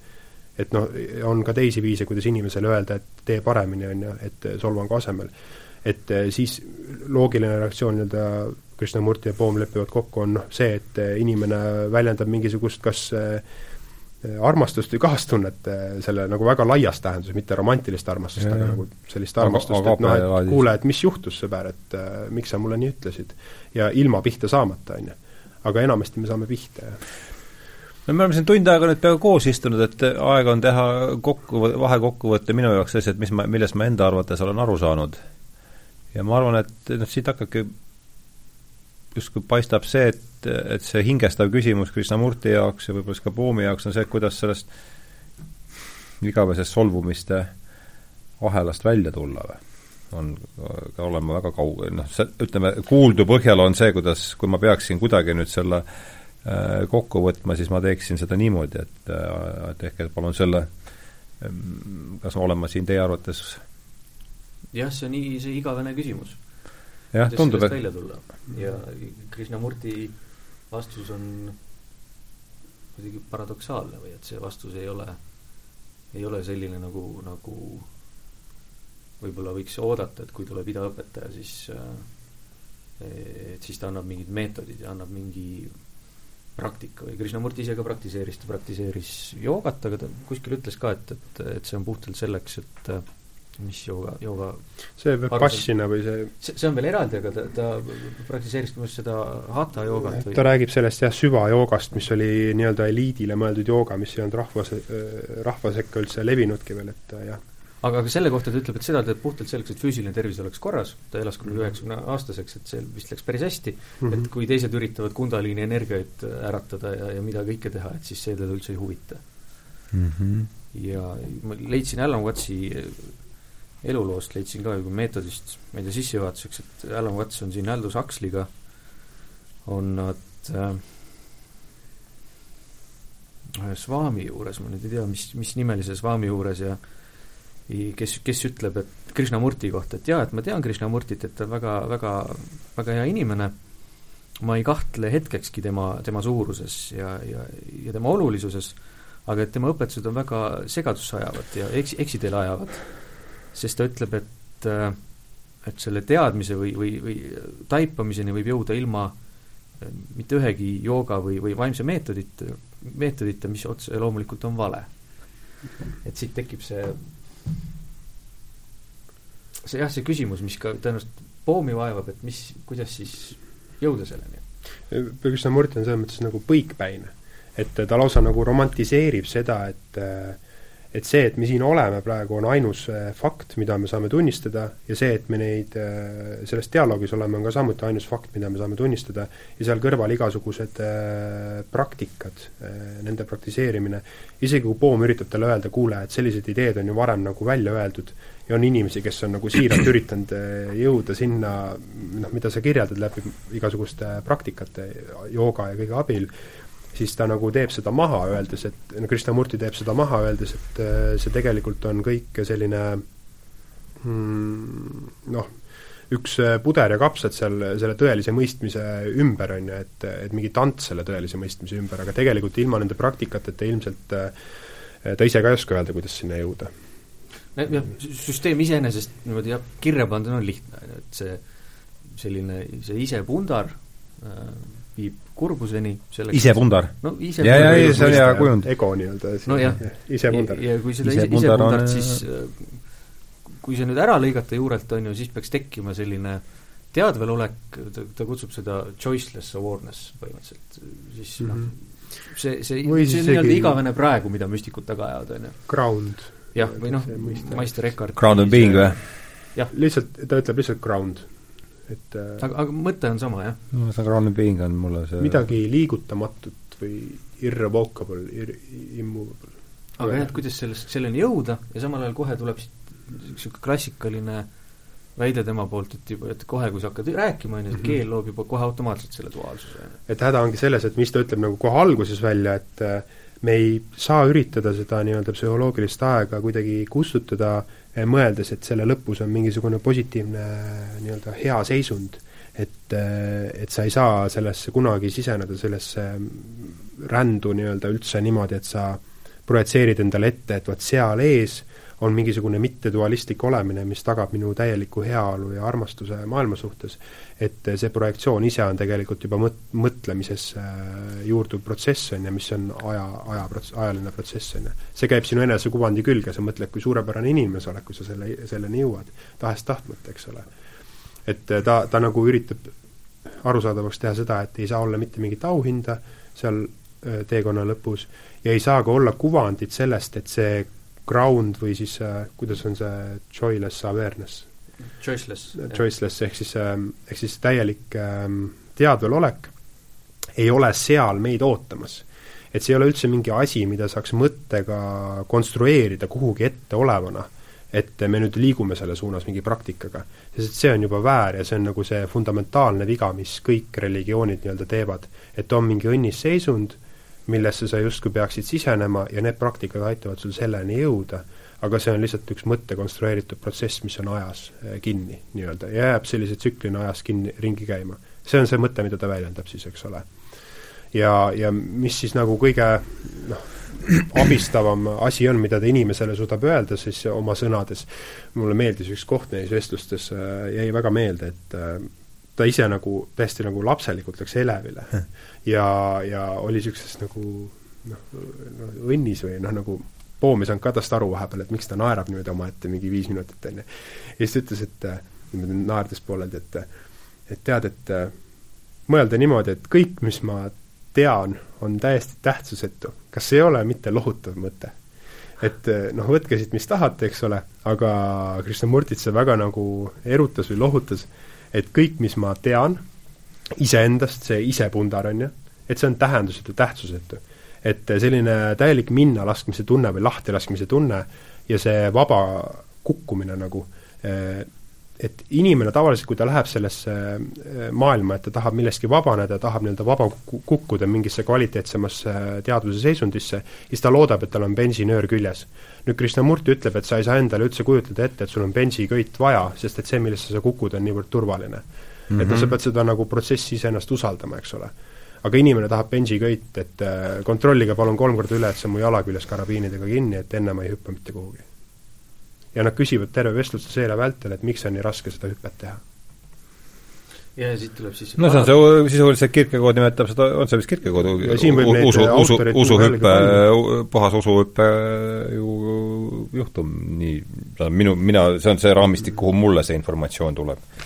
igalühel on see erinev. Leap of faith või siis uskumusaldusehüpe või siis isegi see Amor Fati see saatuse armastus jah, see läheb samasse kuigi see on natuke niisugune kannatuse romantiseerimine isegi, see Amor Fati, aga just see Leap of faith mm. -hmm. et Poom ütleb selle kohta ühes dialoogis, mis ei ole üldse sellest seeriast, aga ta ütleb mingi oma dialoogis, et et ta ükskord lapsepõlves, kui ta oli niisugune tagasihoidlik laps, et käisid kuskil looduses matkamas sõpradega.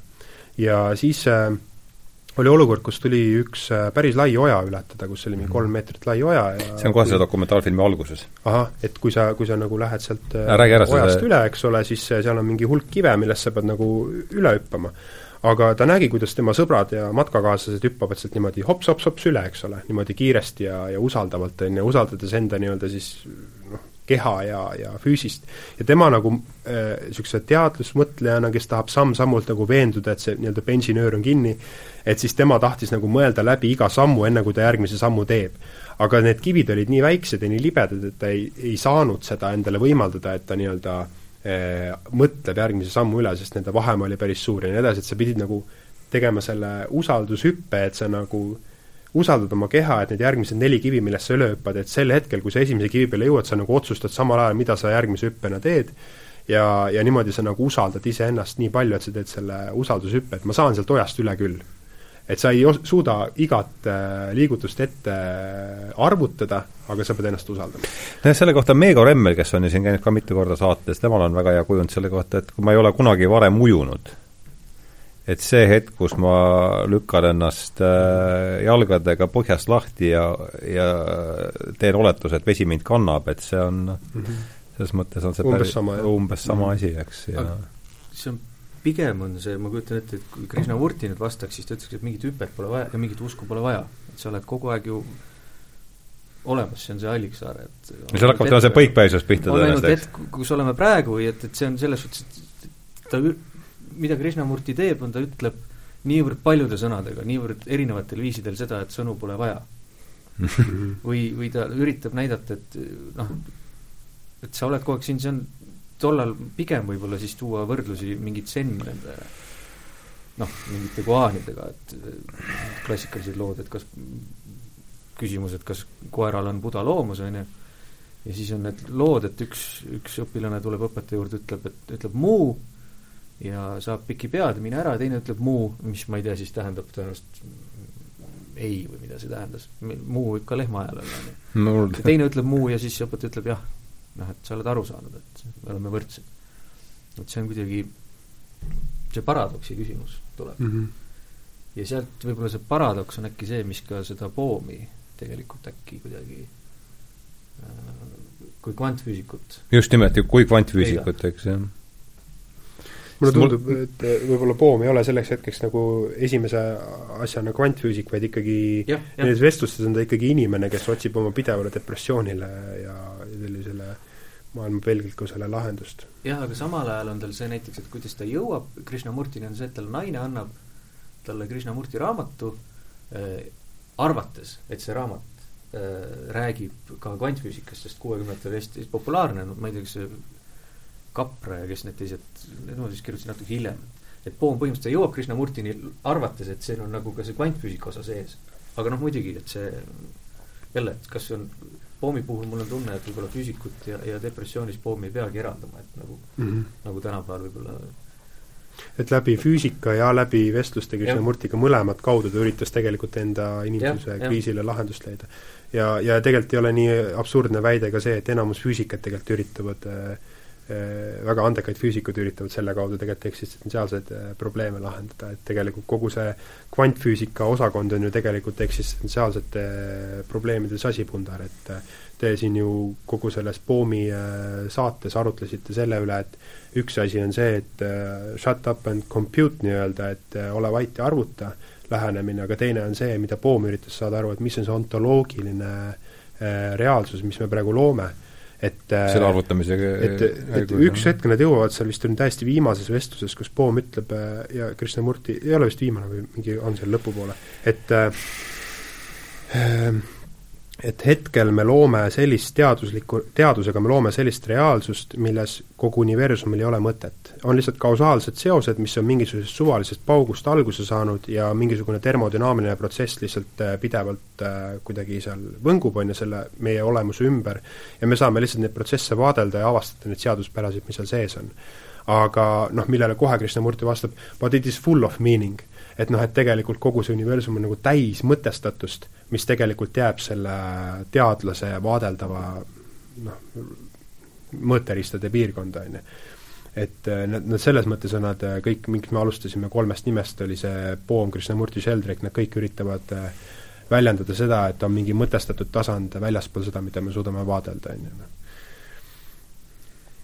nojah, sellest ju jutt Äh, käib ju laias laastus, eks. aga, aga nüüd, mis, milleni me peame ilmselt jõudma või meil on nagu vaikimisi kohustus mingi saate kuulajas ka, et nagu et, et nagu see sasi pu-, isepundar, väga ilus sõna. on jah, mulle ka meeldis. et see isepuntra lahendamine on ju, et et mis siis peab üks inimene tegema, kes on iseenese konfliktis, et et saada mingi abi sellest Krishnamurti Poomi vestluste seeriast ja, ja kogu sellest oma, omaette sasipuntrast, mis nemad on loonud, et no ideaalis see paradoks muutub nii suureks, et see kulmineerub äratundmisega aga, aga ei pruugi. aga ei pruugi, et aga mis teha? ma ei tea. et äh, see on äh, üks asi, mis veel peab ütlema, et me tegelikult käime praegu siit selles mõttes nagu sedasama Krishnamurti meetodit läbi, et me samale asjale praegu üritame erinevat mm. moodi läheneda.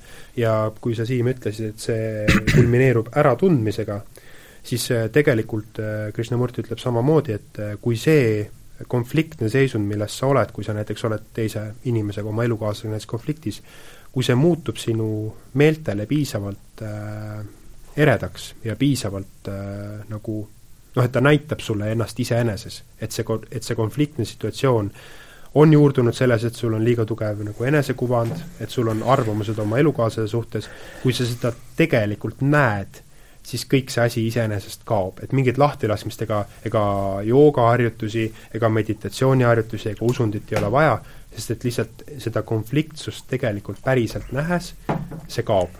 et, et see nagu on tegelikult arusaadav, et ta toob selle tavalise metslooma näite, et kui ma näen, et siin on, põrandal on kobra, on ju, ma ei lähe selle poole, sest et see madu on ohtlik, eks ole et samamoodi ta leiab, et inimene peaks suutma identifitseerida enda sees neid konfliktisituatsioone nii selgelt, et ta näeb, et need on sama ohtlikud kui üks mürgimadu ja ta lihtsalt ei lähe seda teed pidi mm., et ta solvub näiteks või noh, et, et seda ta nagu ütleb, aga jällegi, mind ei ole see selles mõttes aidanud, et oma isikliku mingi valgustumiseni jõuda, et see aitab mul lihtsalt nagu enda reaktsiooni pidurdada, aga jällegi jah, ta ütleb, et see lõpetab see, kui sa piisavalt selgelt vaatled. aga mis segab vaatlust, küsib ta jälle, et mis on selle Äh, tähelepanu kao põhjus, et me ei suuda näha neid äh, konflikte piisavalt selgelt, ongi see, et meie sees on pidevalt seesama lärm mm -hmm., seesama hammasratas hammasratta vastu, pidev reaktsioonilisus.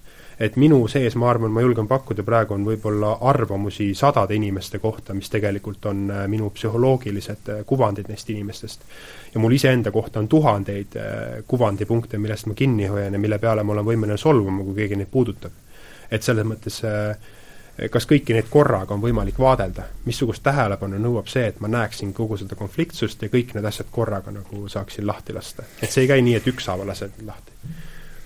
no vaata, kõik see jutt, mis me, mida me siin kuuleme ja need sõnad ja laused, need ju kõik tulevad meil igalühel oma raamistikku, mis meil on kõigil erinevad, sõltuvalt sellest, mida me lugenud ja kuulnud, aga kui ma nüüd kirjutasin selle äh, see ei olnud küll päris see, mida Joonas ütles, aga ma kirjutasin selle niimoodi üles, et mis, mis takistab meil näha oma sisekobra et noh, see on ju otsemeelde, oleme ka Jungi juures tagasi, et see sisekobra on vari selles raamistikus, et kas, kuidas need kaks äh, asja nüüd kokku lähevad, Jungist, Jungiga sa oled tuttav ja Jungiga sa oled rääkinud, et kuidas see varju teema no, äh, haakub mida, mida äh, näiteks Krishnamurti ütleb ju sarnaselt, ütleb, et, et need sise, sisemised võib-olla mingid sisemine segadus ja teadvustam-, teadvustamatus, äh, selle väline projektsioon on siis kogu see väline segadus, et põhimõtteliselt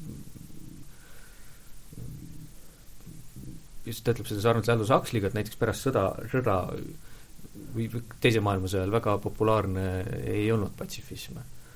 või ikkagi vaadati põlgusega peale, Aldous Huxley ka, kui ta kirjutab oma selle iga, igestva filosoofia kuskil neljakümne viiendal aastal vist kirjutabki. et siis sellest peaks eraldi saate tegema või?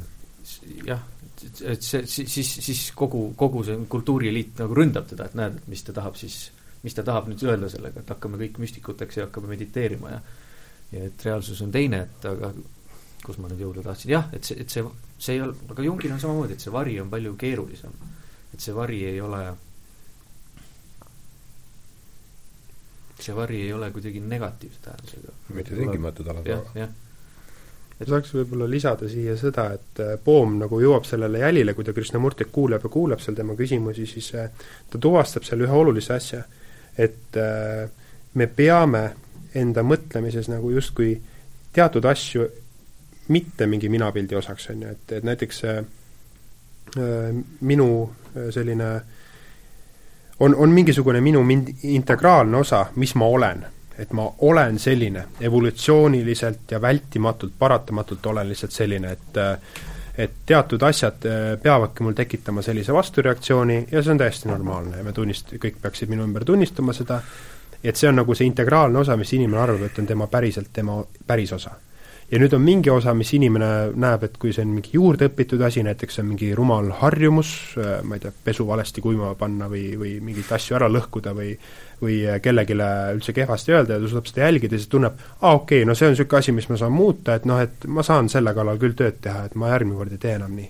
et ta tunnetab, et mõned asjad nagu justkui on tema enda voli järgi muudetavad aga teised asjad on evolutsiooniliselt ette määratud, et vot inimene näiteks, kes äh, saab näiteks äh, mingi vihapalangu alla satub, siis tal ongi loomulik äh, evolutsiooniliselt reageerida näiteks vihaga, sest et noh, vaatame mingisuguseid ahve või koeri tegutsemas, siis ongi see, et noh, üks vihastab, teine vihastab, on ju, nii see ahel läheb, eks ole, et neil on ka seesama seos ja miks mul ei peaks olema, ma olen ka loom.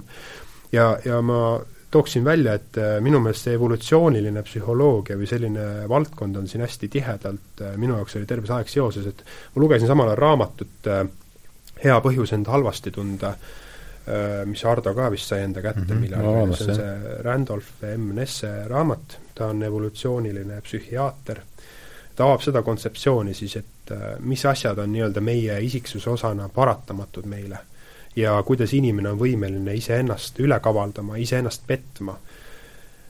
et äh, noh, seal toob näiteks äh, näite, on ju, et, et üks inimene, näiteks patsient, tal otsustab, noh, ekstreemne näide on ju iseenesepettusest, aga, aga näiteks, et üks naine ütleb, et äh, vot, et mul parem käsi on halvatud. noh, käsi ei liigu juba kuus kuud. Läheb arsti juurde ja aasta aega otsitakse probleemi, miks ta käsi ei liigu. naine, käibki üks käsi ringi, nii et ta on halvatud, eks ole.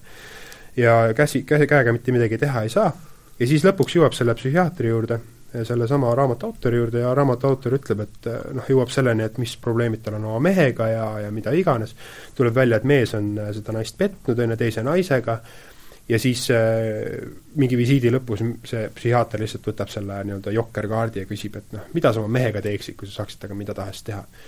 ja siis see naine tõstab oma selle halvatud parema käe, ütleks, ma lööks talle noa selga. Et nagu see on nagu see tegelikult naine on loonud enese illusoorse nagu sellise eh, kontrollimehhanismi, et ta tegelikult ei lööks päriselt enda mehele nuga selga, eks ole. aga see näitab, et mõtlemine suudab ennast ise üle kavaldada nii, et ta arvab, et mingid asjad on tema päris osad ja mingid asjad ei ole. noh, et eh, kuhu me nüüd jõudsime, on ju, on see, et kuidas nagu mõtlemine ise suudab iseennast nagu ära petta. Et kui me räägime siin mingist asjast lahtilaskmisest, siis ma olen väga hea meelega valmis lahti laskma sellest, et ma näiteks teatud teemadel äh, ei solva oma elukaaslast või, või oma, oma lapsi või, või näiteks sind, Siim, on ju. et me saame kuidagi läbi ja me käime näiteks koos, ütleme, tööl või, midagi, oleme kolleegid näiteks kunagi tulevikus koolis, et ma mingit asja ei tee, on ju, kuna sa palud, et see teeb sulle haiget, on ju, ma saan sellega hakkama, lasen selle lahti. kuidas lasta kogu see komplekt lahti? ja häda on selles, et ma identifitseeri seda äh, asja sellisena, mida ma saaks üldse lahti lasta, sest siis ma kaon täiesti ära. et, et Poom ütlebki lõpuks, et äh, et kuidas sa üldse saad mulle rääkida mingist lahtilaskmisest, kui ma kaon ära. et, et see ei ole ju ratsionaalne tegevus inimese poolt kaotada iseennast ära mm. -hmm. sest et see, mis ma arvan, et ma ära kaotan, ongi see mina ise, on ju noh, nad jõuavad jälle järjekordse ummikuni et seal tekib jälle küsimus selles, et kes siis on see mina lõpuks, millest jutt käib ju, kas mitte jah, see on äh,, Krishnamurti ütleb kohe, et me oleme sellest korduvalt läbi käinud, see on psühholoogiline aeg ja mõtlemine. Jah, et, et siis ta nagu läheb jälle uuesti sinna kettasse ja, ja hakkavad järgmist teed pidi seda lahendama, on ju. kaks poolust lihtsalt, üks ühelt poolt Krishnamurti, kelle kui lugeda ka neid, ma olen teiste raamatute kaudu lõiguti lugenud tema päevikuid siis Krishnamurti elab kogu aeg selles võib-olla sellises minatus, tal on hästi palju neid kogemusi, ta on, ta on, ta, ta käib pidevalt kuskil ära. see on oluline, jah. ta on nendes, selles nii-öelda need müstilised kogemused, kuigi see on väga halb termin minu meelest, sest aga aga paku parem, lihtsalt. no,, isetud kogemused. ta, ta elab, elab siis võib-olla selles puhtas tegelikkuses või, või see, mida noh, ma ei, praegu, praegu no, ei tule midagi, ühesõnaga see, mida sa ütlesid, ground of being nojah, jah, see ja, ja teiselt poolt on siis Poom, kellel seda kogemust ei ole. kuidas need kaks poolust nagu siis omavahel jõuavad üldse mingi dia-, dialoogides äh, Krishnamurti küsib, ma arvan, rohkem kui viiskümmend korda Poomi käest loob näite, et et ütleb, et Krishnamurti siis ütleb, et mina olen selles segaduses, kuidas sina aitad mind et ta pidevalt nagu õpetajalikult siis ütleb Poomile, et äh, sina oled see valgustunud inimene, et aita nüüd mind sellest välja tulla. et ta nagu pöörab need rollid vastupidi nagu õpetajana ja ütleb Poomile, et noh, et mõtle kaasa nüüd noh, palun, valgusta või saa aru sellest asjast ja aita mind välja. Et kuigi ta tegelikult ise elab neid kogemusi läbi pidevalt ja ta põhimõtteliselt elab selles isetus olemises, jah. No mul ikkagi see, et no seesama mina ja ise pundar, see on tõesti hea, aga et et kas siin ei ole see ikkagi see küsimus, et noh, see mina on ju ka nagu üks lõputu sibul, et seda võtad ja arutad neid ja, ja kus see sibul, küsimus on, kus see sibul lõpeb, et siin see oli just viiekümne kaheksas saade Pihnu unenägu, kus olid Mart, Märt Laanemets ja, ja Teet Toome, et et noh, see idamõte jällegi nii vähe, kui mina saan ja paljuski need teadmised on ju siin nendest vestlustest kogunenud, et et idee on see, et kui sa otsid seda või kui ma otsin seda viimase instantsi mina, ida mõttes, siis Atman, Brahman, see, et, et siis see ongi see noh, see minu kõige väiksem mina või see, see, see sibula südamik ongi lõpuks siis suur jumal. ja seda, millest me oleme nende traditsioonis. See, millest me oleme rääkinud, ongi see, et seda sibulat äh, ei saa koorida nagu kiht-kihina et ma nagu üks päev õpin ühte asja enda kohta, kaotan väikese osakese minast ära ja siis nagu järjest jään väiks-, väiksemaks ja nõrgemaks minaks, kuni ma olen täpp, on ju. et äh, lugu on selles, et äh, sa enamasti kaotad neid kihte sellisena, et see annab su ülejäänud minale midagi. see annab sulle tunde, et sa oled puhtam inimene või üllam inimene, on ju. et äh, noh, ma räägin võib-olla siis mina vormis, et minule näiteks annab see äh, suurema enese niisuguse väärikuse, kui ma, kui ma tunnen, et ma olen mingisuguse äh, isetu teoga hakkama saanud, on ju, ja ma ei kelgi sellega küla peal, aga ma olen ikkagi midagi isetut teinud, on ju, kas või prügimaast üles korjanud, on ju. aga see täiendab minu minapilti selle võrra, et ma kasvan ikkagi seesmiselt, äh, see, see mina kasvab veel tugevamaks, et mina olen see sibula südamik. mina olen see inimene, kes äh, prügimaast üles korjab ja see on tegelikult mitte ühe sibulakihi ka-, kaotamine, vaid see on ühe sibulakihi juurde tekitamine. ja Krishnamurti ütles, et mingit sibulat ei olegi just, see teile samamoodi tagasi. aga nüüd sa peaks ise sellele võib-olla sisu andma ka, et kui see, kui see, kui, kuidas sa mõistad seda? no lõpuks oli tal ka ikka mingi isikukood, et kuhu, kuhugi ta, kuhugi ta makse maksis, et järelikult mm -hmm. midagi ikkagi oli, noh. jah. aga kui seda öelda, et sibulat ei ole, on ju, et, et see ongi see, mida ta ütleb, et ei ole ka valgust ja pimedust, lõpuks jõuab selleni, et no see on jälle mingi kogemuse küsimus, et kui mis kogemuse tasandil sa oled, et kas sa suhestud sellega või mitte või. et see on nagu ma ei tea, kui mingite Platoni, platoonikutega tegeleda, siis on seal samamoodi, et tekitab tohutut viha see, see, kui äh, jälle mõni uus platoonik kirjutab seda, et tegelikult on kõik ilus ja hästi. aga ja siis, ja siis ta seletab sulle, et, et, et nüüd selle künka peal, kus mina vaatan, on juba kõik ilus ja hästi, aga seal all, kus sa oled, seal oled. on need mõrad veel sees mm. -hmm. minu meelest Krishnamurti puhul on ka see, et, et äh, peab vaatama natukene seda, seda, mis ta ümber toimub, kui ta hakkab õpetama. Äh, just, et kuidas sellisele tohutule noh, kuidas õpetada sellises olukorras, kus põhimõtteliselt äh, on igas teises majas seal, seal USA-s, kus ta õpetab, elab mõni guru või, või keegi annab sulle mingi meetodi või tee. ja, ja hästi palju on neid äh, neid kirjeldusi, aga see ei ole muidugi tolle aja probleem, vaid praegugi, et, et sul on nii palju võimalusi, et mida valida ja siis lõpuks sa valid natuke sealt, natuke sealt, natuke mediteerid, natukene käid mingis kuskil filmi vaatamas, natukene vestled kellegiga seal ja lõppkokkuvõttes sa ei jõua nagu kuskile. ja mis see nagu valikuvariant on, siis noh, mõni õpetaja ütleks siis, et oled minu juures ja kõik ülejäänud asjad viskad ära, on ju. teine variant on see, et ei olegi ühtegi teed see oli jah, sa, sama asja ütles Sheldrake ühe sama selle arvukatest dialoogidest või ma ei tea, mis ma seal netis kunagi kuulsin, et mingi India õpetaja ütles, et noh, te läänlased käite käite täpselt, kaevate siit ja sealt, aga et no selleks, et kuhugi jõu, veeni jõuda, peab ikka ühes kohas kaevama mõnda aega. ja Krishnamurti ütleks, et mina olen see, mina olen see, kes vee lauale toob. labidas ja muld on sama jah, et noh, üritab enda, enda isiksust võimalikult distantseerida sellest, mida ta üritab öelda.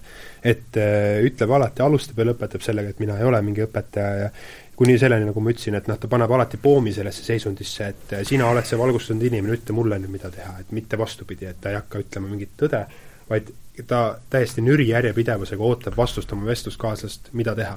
Sest et ta ei aktsepteeri seda, et tema hakkab ette rääkima mingeid oma kogemusi, siis ta saab aru, et see ei olegi sõnaliselt väljendatav asi. ja selles mõttes ta nagu natuke kiusab, on ju, oma vestluskaaslasega, noh, nad hea meelega on kiusatavad mm -hmm. selles olukorras, sest nad tahavad ise selles olla ma ei tea, kas me oleme kuidagi ummikus või ma toon ühe võib-olla paralleeli, mis minul oli jällegi sama ajal, kui ma kuulasin neid äh, dialoogi, ma tegin ühte teist kirjanduslikku rännakut ka, ma lugesin Tiit Aleksejevi äh, palverännu seeriat läbi mm -hmm. kolmeosalist. ja sellest me tegime saate.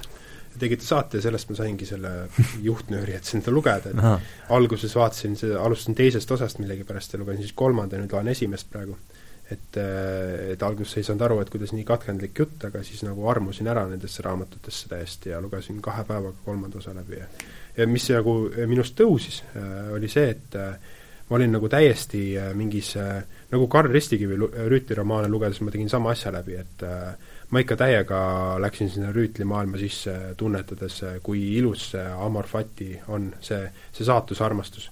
et kui selle peategelase et on siis Rüütel, kes läheb siis nii-öelda palverännule, ehk siis seda Jeruusalemma vabastama, eh, teeb seda selle nimel, et eh, Jumala kõige au nimel, aga tegelikult tuleb välja, et kui nad esimese selle suurema linna sealt eh, ära võtavad, siis Antiookiasse jõudes nad tegelikult vaatavad iseenda sisemisele tumedusele otsa, et nad üks, üksteisega on tegelikult konfliktis palju rohkem. et nad läksid justkui pühale maale selleks, et aru saada, kui puntrad omadega on, on ju ja, ja see on nagu see asi, mis nüüd Krishnamurti räägib, et peab nagu äh, lammutama, on ju, selle asja ära, selle konflikti allika, et äh, inimesed ei oleks konfliktis.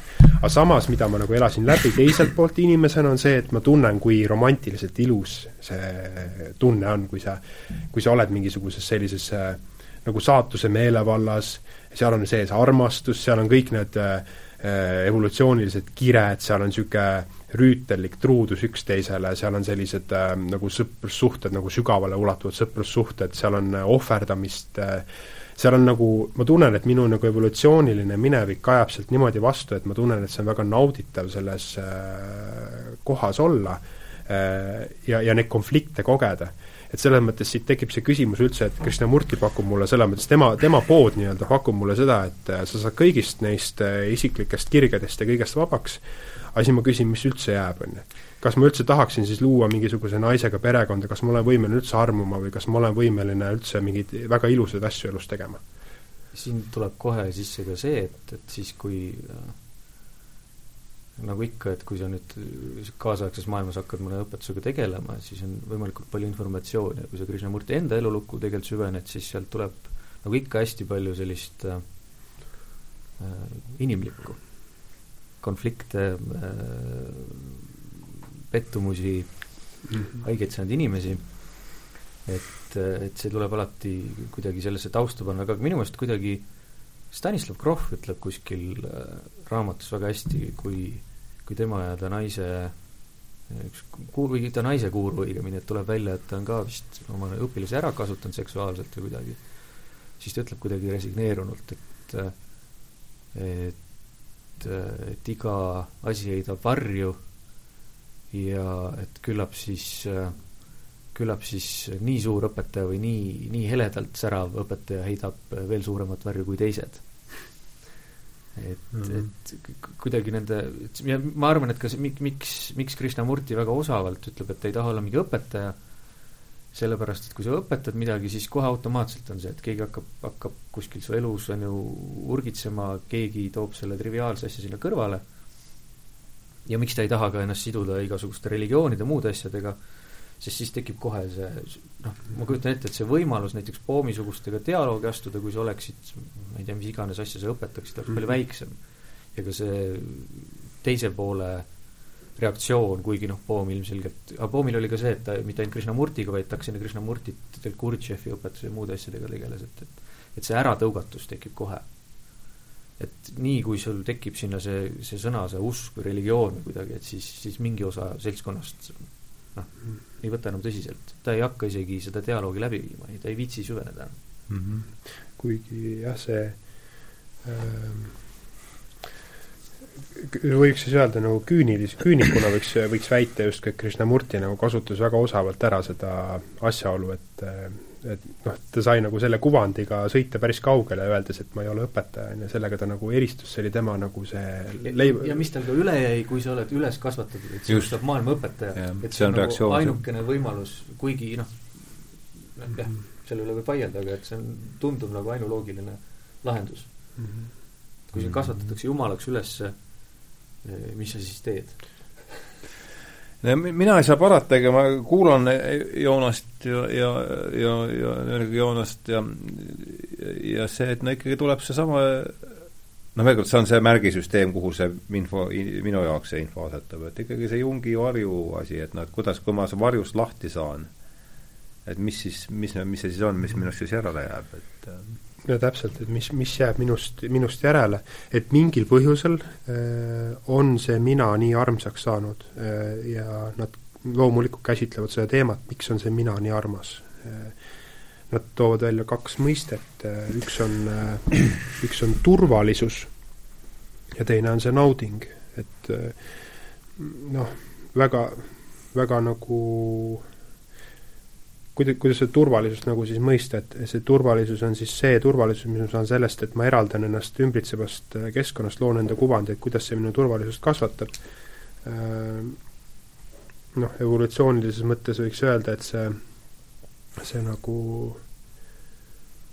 no väga raske on nagu näiteks kaitsta oma perekonda või kaitsta oma toidumoona, mis sa oled näiteks püüdnud kahe nädala tööga, lähenedes Krishnamurti loogika kaudu, öeldes, et puht noh, sõbrad, te olete nii head, et võtke, et et ilmselgelt sa kasvatad mingisuguse turvasüsteemi kohe ja aediku enda, enda toidumoona ümber, kui sa oleksid äh, metslane, eks ole, või niimoodi, et et selles mõttes on see meisse nagu kasvanud mingisugune niisugune noh, enese keskkonnast eristamise vajadus on sisse kasvanud mm -hmm. seetõttu, et me oleme, elame piiratud ressursside tingimustes ja me peame tegelikult kaitsma nii oma oma nii-öelda seda hõimu või perekonda, isegi öeldes evolutsioonilises mõttes oma geene, et mingi võõras isane ei tuleks, on ju, nii-öelda sisse, on ju, ja, ja, ja oma nagu äh, selle ressurssidega varustatuse nagu tagama, on ju, et keegi su kodu ära ei võta niisama või sinust üle ei sõida, et Krishnamurti oli nagu ideaalne inimene, kellest üle sõita, et see tuleb korduvalt välja, kuidas ta kui ta Leet Peterilt ja Besandilt sai mingisuguse päranduse, millega ta Oshais Californias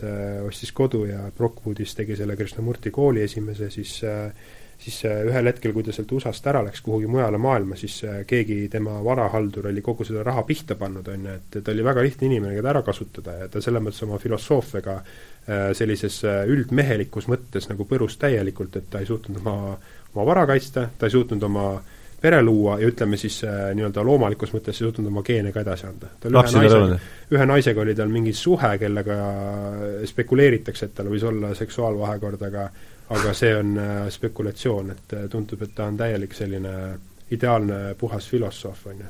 et, et nüüd ma küsingi, et ühtpidi, mis nagu Krishnamurti mulle annab, miks ma selle nii-öelda, ma ütlesin, ma noh, ütlen ka, et miks ma seda vanameest kuulan, on ju, et et ta annab mulle alati hetke nagu pidurdada ja võimaluse küsida õigeid küsimusi, kui ma olen konflikti äh, minemas kellegiga, oma lähedastest mm -hmm. näiteks aga ta ei anna mulle seda tunnet, et ma tahaksin täielikult oma minapildist loobuda, sest et see pilt, mida, see elu, mida tema elab, ei ole minu unistuste elu.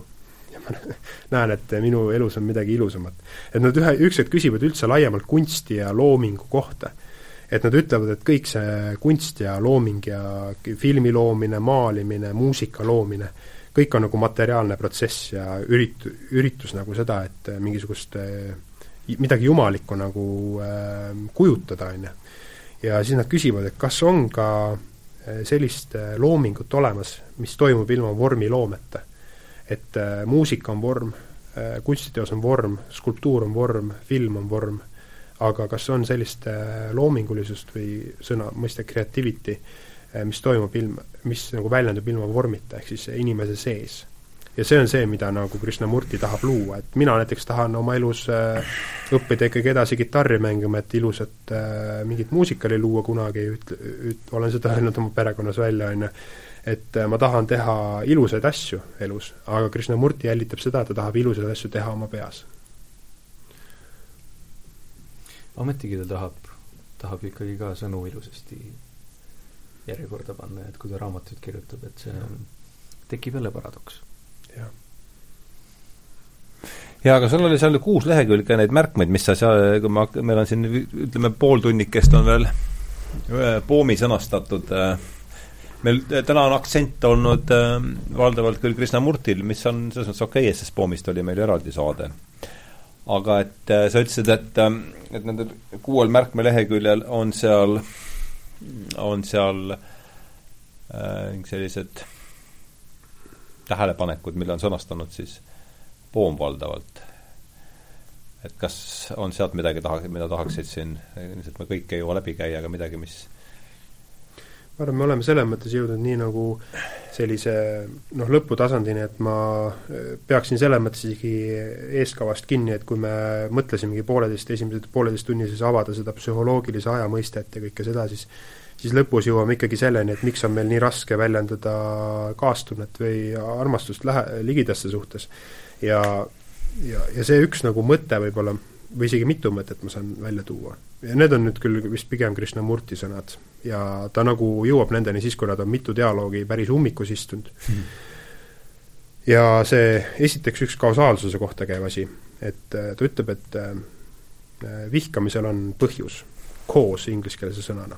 et äh, keegi solvab sind või, või teeb sulle midagi haiget ja sa vihkad teda selle eest. Ja need äh, asju saab koguda, ehk siis äh, seda saab akumuleerida, viha ja vihkamist saab akumuleerida. mis ta selle vastandina toob, mis te arvate, mis on vihkamise vastand selles mõttes? armastus, jah. ja ta nimetab seda nagu üldise mõistena armastuse noh, kõige oleva vastu, aga mis ta nüüd toob, hea nagu paralleeli, et see poom nagu see tead-, kuiv teadlane nagu mõtlema ergutada ütleb, et äh, armastusel ei ole põhjust ja armastus ei akumuleeru. Et äh, armastus on mingi asi, mis äh, uitab sinu äh, tegevustesse sisse niimoodi, et sa hetkeks lased enda valvsuse lahti sa ei jää oma mõttetsüklisse kinni, kuidas, kuidas sa ikkagi oled hästi tugev võimas mees näiteks ja, ja ei allu mingisugusele provokatsioonile või sol-, solvud kuidagi, et see hetk, kui sa selle valvsuse kaotad ja ei, ei laamenda oma peas, siis äh, võib tõusta üles selline asi nagu armastus või, või kaastunne kellegi suhtes. ja sellel ei ole nagu põhjust, et see nagu justkui tuleb kuskilt ei millestki. ja samamoodi ei saa armastust akumuleerida et eh, sa ei saa nagu hoida endale tagavaraks niisugust eh, püssirohukeldrit eh, täis armastust, et vot nüüd, kui ma hakkan kellegi peale vihastama, siis ma võtan sealt akumuleeritud keldrist nii-öelda sealt, sealt viis kilogrammi armastust ja viskan kellegi pihta, et et aga vihaga saab niimoodi teha. viha on viha akumuleerub, jah? akumuleerub aastate jooksul ja sul jäävad kõik need asjad meelde, mida see, mida see põrsas sinuga tegi, kelle peale sa vihane oled. et see on nagu see üks tasand, kus ta kasutab nagu neid mõisteid, et poom nagu mõtlema ärgitada. see armastusega mul tuleb alati meelde, kuidas äh, Marju Leppaja kirjeldas siis seda, kuidas on see sokraatiline meetod, et kõigepealt, äh, kõigepealt tekib sul armastus äh, ühe noormehe vastu, siis armastad sa noormehesust kui sellist ja siis niimoodi vaikselt kasvab see armastus järjest suuremaks.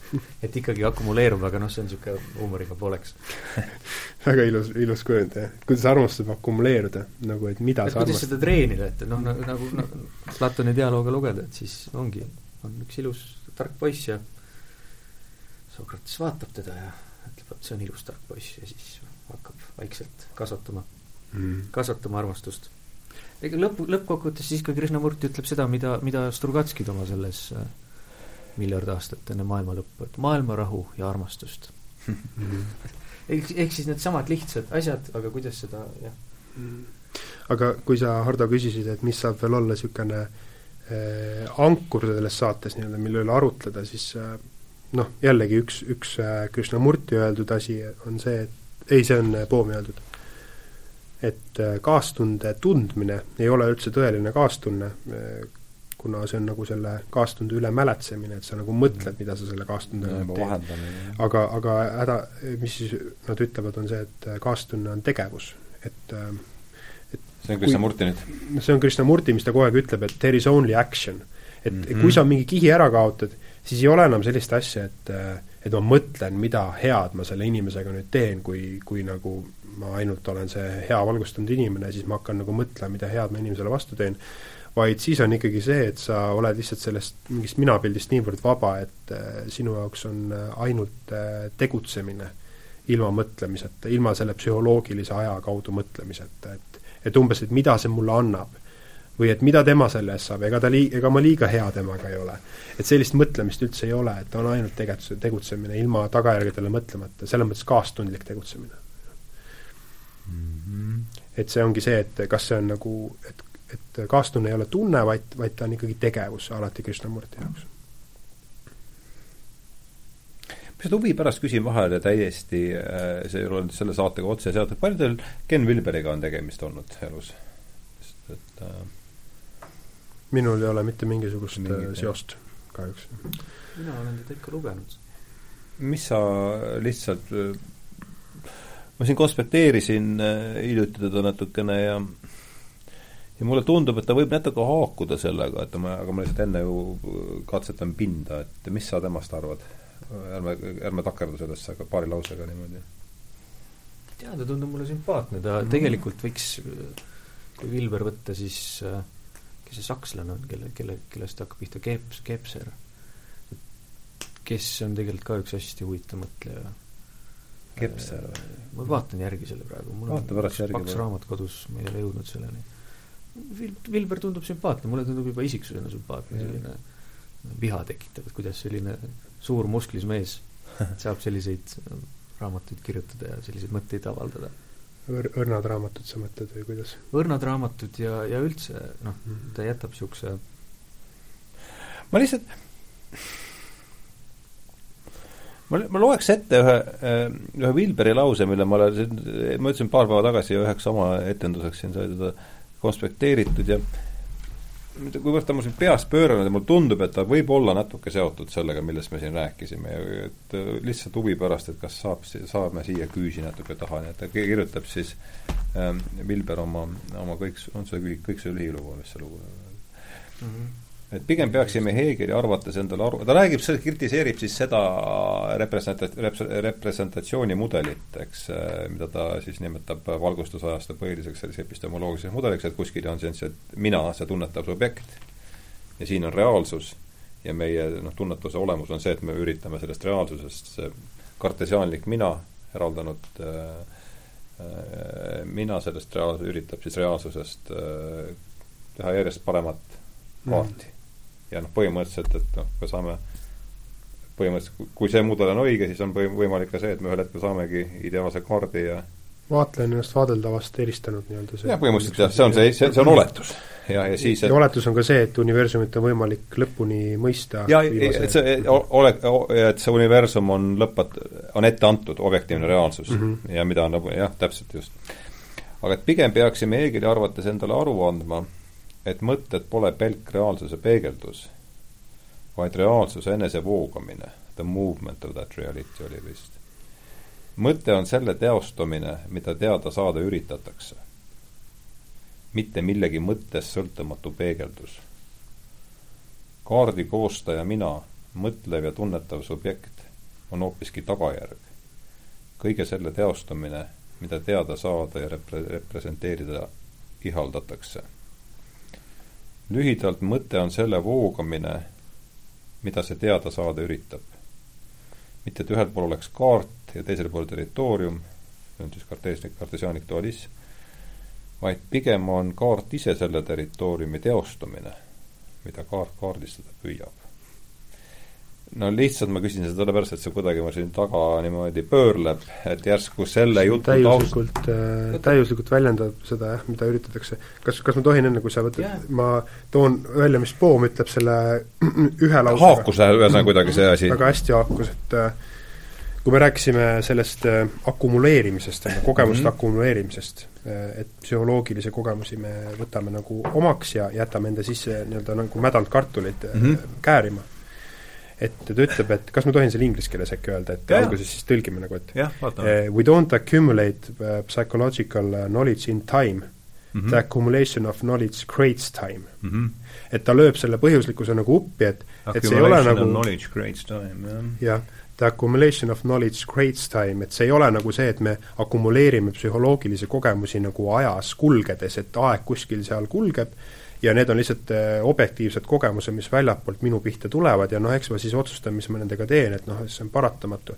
vaid see, et üldse sa neid akumuleerid, loobki selle ajajoone nagu, selle -hmm. minapildi, on ju, et see nagu tugevdab veel minapilti. see on nagu oluline jah, niisugune et juba esimese paari lause juures haakusin ja ma sain aru, et edasine on lihtsalt selleks, et seda nagu täiendada veel mm, -hmm. seesama point. see haakub kuidagi Bergsoniga, ma ei tea, palju Bergsoniga on äh, pistmist olnud teil? minul on väga vähe üldse igasuguste filosoofiadega, vaata ma olen niisugune tüüpiline Kesk-Eesti õpetaja lihtsalt mees tänavalt reaalselt, kes on kasutanud Krishnamurtit enda jaoks nagu niisuguse äh, olulise jah, abina esiteks see lause on, mis sa ette lugesid, Krishnamurti, noh, põhimõtteliselt Krishnamurti oleks sedasama võinud öelda. ei, mulle tundub jah, selle öelnud nagu lihtsamalt võib-olla siis mingi noh, kuidagi lühemalt, teistmoodi, aga, aga mõte on sama. tunne, tunne on all sama põhimõtteliselt, eks, vist aga, või? jah, on küll, minu meelest üks-ühele võiks ja sobitada sinna. võib öelda. aga küsimus on ka see, et natukene nagu äh, meile endale nagu puid alla panna, et et äh, miks me neid seoseid otsime, vaata, et või, või miks see üldse on oluline neid äh, teisi autoreid veel sisse tuua, et et noh, ma tegutsen praegu selles mõttes, seda välja tuues ma tegutsen nagu kriitikuna justkui Krishnamurti vaatepunktist, et et kogu aeg, kui Poom tõi sisse mingi välise mm -hmm. autori, ta julges sinna tuua ainult Aristotelest ja, ja Marxi vahepeal korra niimoodi, sest ta teadis, et Krishnamurti neid kahte nagu natuke tunneb, aga ülejäänud autoritega, Krishnamurti ütleb, ma ei tea mitte midagi ühestki välisest autorist, on ju. ja, ja tegelikult küsimus, mis siit koorub välja, on see, et äh, kui me näiteks jätkaksime seda juturingi siin pärast veel mõned tunnid, on ju, kas me suudaksime seda vestlust niimoodi arendada, et äh, et me ei äh, peaks nagu minema tagasi mingisuguste väliste viidete juurde et äh, mitte sellepärast, et mina olen välistes viitetes nõrk, ma olen tõesti nagu selles mõttes äh, seda filosoofiat vähe lugenud, eks ole, mingeid kursusi ülikoolis läbisin, aga no õige vähe. aga, aga nagu kas me suudame seda teemat ka niimoodi käsitleda, et äh, me võtame siia sisse näiteks ühe inimese, kes näiteks lõpetas oma töö ehitusobjektil ja teeme siis talle nagu arusaadavaks selle, ilma, ilma nende väliste viideteta. et see on see küsimus iseendale alati siin on jälle see õpetaja see oli see, mida Krishnamurti üritas ma jaa, ja mina toon ka siia sisse viited, on ju, kõigile teistele autoritele mm., kes mulle meeldivad, on ju, aga ma küsin meilt kõigilt, on ju, et siin on võib-olla see roll, et tähendab, see, see äh, küsimus, et mis rolli me võtame, on ju, et mina ei julgeks väita, et noh, et see, mida Krishnamurti räägib, see tundub kõik õige, on äratundmiskohti, on kogemuslikke äratundmiskohti, aga, aga kuna mu kogemus ei ole säärane, mm, -hmm. siis mina ei julgeks sellist rolli võtta, et ja mina ka mitte. ja siis ma võtan kohe, mina võtan kohe selle hea tu-, tubli doktorandi rolli, on ju, sisse, kohe ütlen jah, et Bergsoniga see haakub no haakub ju mingil määral, eks ole. vestluses Poomiga nad hakkavad ka rääkima sellest, aju on tegelikult ainult siis põhimõtteliselt ju mingi masin, mis laseb läbi asju, on ju. et see sealt muidugi noh, ja siis vastuvõtja, mitte jah, vastuvõtja jah, et mitte videomakk. tuleks kohe, saab põikida näiteks selle Hasso saatega siia kõrvale ja nii edasi, nii edasi aga jah, et võib-olla see küsimus, et mis, mis et see oligi võib-olla lihtsalt selleks meie enda mm -hmm. kiusamiseks, et me identifitseeriks enda rolli nagu kõigest, et et kui äh, Krishnamurti küsib äh, umbes üle saja korra poomilt, et is that an idea or an actuality, et et kas see on nagu idee, mhm. mis me praegu siin rääkisime ja tegime, või see on tegelikkus, siis meie jaoks me peame tunnistama, ilmselt on see suhteliselt idee, on ju ja, ja, ja see, kuidas nagu positiivselt ka saatekuulajale, et kuidas nagu see positiivselt saab siin mõjutada, see seeria, mida, mida nagu Krishnamurtit või Poomi kuulata, siis see lihtsalt õpetabki küsimusi esitama. ja see, mis sa nende küsimustega nagu teed, on ju, äh, see, see ongi sinu enda teha lõpuks, selles mõttes mm, on, on ta nagu äh, väga, väga hea nagu pedagoog nagu ma ütlesin. väga niisugune jälle taaskord nagu mässaja, sellepärast et praegu niisugune klassikaline õpetamismeetod on ikkagi see, et tohutult palju viiteid, noh, kui võtta jälle Jung, kes on siin vahepeal tulnud, et siis mida Jung tegi, oli põhimõtteliselt see, et ta oma mm, -hmm. oma selle tegeliku eesmärgi lihtsalt varjutas tohutu teadusliku ap-, aparatuuri alla mm. -hmm. kuigi ta tegelikult tahtis öelda jälle hoopis noh, palju lihtsamaid asju võib-olla, mitte lihtsamaid asju, aga et, et, et see eesmärk oli teine, aga et lihtsalt, et sobituda siis oma aega mm. Nojah, kuivõrd ainuke, ainuke tõsiseltvõetav teadmine praegu on üritatakse meile väita, on teaduslik teadmine, et siis, kui sa tahad olla tõsiseltvõetav, siis sa pead seda kogu seda noh mm., seda, et kõik need vajalikud kuljused oma lugudele külge panema, et üldse ja noh, selle varjupooleks on just see, et igasugune, igasugune jamps. Kui see paneb endale kuljused külge viidete ja mille näol siis on selle kohta on mitu saadet on justkui teadus, eks. ma leidsin veel ühe, ma olen välja kirjutanud Aldous Huxley tsitaadi, kirjutab kuskil Krishnamurti kohta, et mida Krishnamurti teeb, et Krishnamurti ütleb siis, ma ei tea, siis lugejale või kuulajale, et ma näitan sulle kurbust ja võimalust selle lõpetamiseks ja kui sa neid tingimusi ei taha täita, ei taha valida seda teed, siis istu oma kurbuse otsas edasi. noh mm -hmm., niisugune Huxley üritas ühe lausega siis kokku võtta, mida, mida, mida Krishnamurti tahab, tahab saavutada. ja mm, lõpetuseks me peaksime nüüd vaikima. võta sa nüüd kinni, jah et jah, et, et jõuamegi kohta, kus nagu justkui välised viited on nagu jõuetud selle sõnumi ees ja ega me nagu jutusaatega ei saa ju anda edasi seda, mis ta üritab öelda, aga on nagu Siim ütles vahepeal, et tasub vaadata neid videosid, kus ta on nagu inimesena seal räägib mm. -hmm. et see, see kirglikkus, see ei ole nagu selline akadeemiline kirglikkus, vaid see on ikkagi te, tema jaoks on nagu tegemist ikkagi hädaolukorraga, et ta ei suuda poomile äh, seda selgeks teha, et ta nagu reaalselt nagu tunneb seda kobrat toanurgas, et, et see et, et see nagu istub seal, et see on ohtlik ja me peame sellest kuidagi nagu hakkama saama sellega, aga, aga lihtsalt ei saa hakkama ja ta on nagu jõuetu vahepeal, vahepeal nagu elab seda läbi, et, et on tohutult nagu selles mõttes kaastundlik, on ju, tõesti. jah, ta, ta, ta ei ole filosoof, kes lihtsalt mm -hmm. tahab oma ideed jah, kuidagi läbi, läbi nämmutada, vaid tal on reaalne mm -hmm. vajadus, tung, tahe ja muidugi veel kõrvalepõikena, et kui me siin räägime Bergsonist ja Sheldrake'ist, Sheldrake'ist ja, ja kõikidest nendest ma kujutan ette, et kui mõni filosoof kuulab nüüd niisugune akadeemiline, nagu meil on, et nad praegu ja, ja. krigistavad hambaid kõik. aga mis seal aga see Jungi viide oli selles mõttes hea jah, et äh, siin oli osad võib-olla krigistavadki ja noh, vaevalt need kuulavadki üldse, kes tahavad hambaid krigistada, et need mm -hmm. Jungi viide oli hästi hea, et ta nagu jah, pidi, pidi nagu jah, need kuljused külge panema ja tegelikult ta tahtis ju väga sellist äh noh, noh, hereesiat lausa kirjutada nii-öelda teaduse mõttes, et et äh, lihtsalt oma kogemusi kirjeldada ja, ja need kuidagi hästi autentselt kirja panna, mitte mingisuguseid viiteid sinna luua, on ju. et ma ise kogen näiteks noh, olles ka mingid ülikooli tasemed läbinud, et et äh, nagu see on ikka tohutult koormav, et kui ma olen teinud oma mingid uurimused mingi kogemusliku asja põhjal, et näiteks ma käivitan mingisuguse haridusliku protsessi, kus on inimesed päriselt oma, oma naha ja karvade ja hingega seal sees, ja siis ma pean nagu sellest akadeemilist tegelikkust looma, mis, mis siis on nagu see mõõdetud, et äh, kas mm -hmm. need inimesed on sellest nagu päriselt midagi kasu saanud, kas nad on targemad, kuidas sa seda mõõdad ja see, see nagu mõõdetavus nagu tundub nii triviaalne küsimus selle juures, et üks, üks õpetaja ütleb mulle, et see on kõige ägedam asi, mis ma olen teinud, on ju. et, et noh, sa ei saa seda sinna sisse panna akadeemilisse uurimusse, eks ole. et see taandub sellele jah, et see akadeemia nagu pärsib seda mingit millegi autentse nagu noh, kirjeldamist või käsitlemist üldse. paned viitena alla, siis pärast paned kasutatud kirjandusse, et suuline suuline teave no kas see viib ikkagi sinna tagasi Galileo mõttesse, et kui on Excelis, on olemas, kui ei ole Excelis, ei ole olemas. ja seetõttu tegeleme ainult Exceliga ja nüüd me oleme jõudnud ilmselt olukorda, Galileo ajal oli võib-olla Excel ja mis ja tahes ei ole, mis, mida me nimetame reaalsuseks, oli seal võib-olla noh, väike vahe sees, aga nüüd on Excel ju noh, läinud mm -hmm. mingitest te tegelikkusest äh, noh, tuleb teab kuhu mm. -hmm. ja ma arvan, et see, ja mulle väga meeldis see,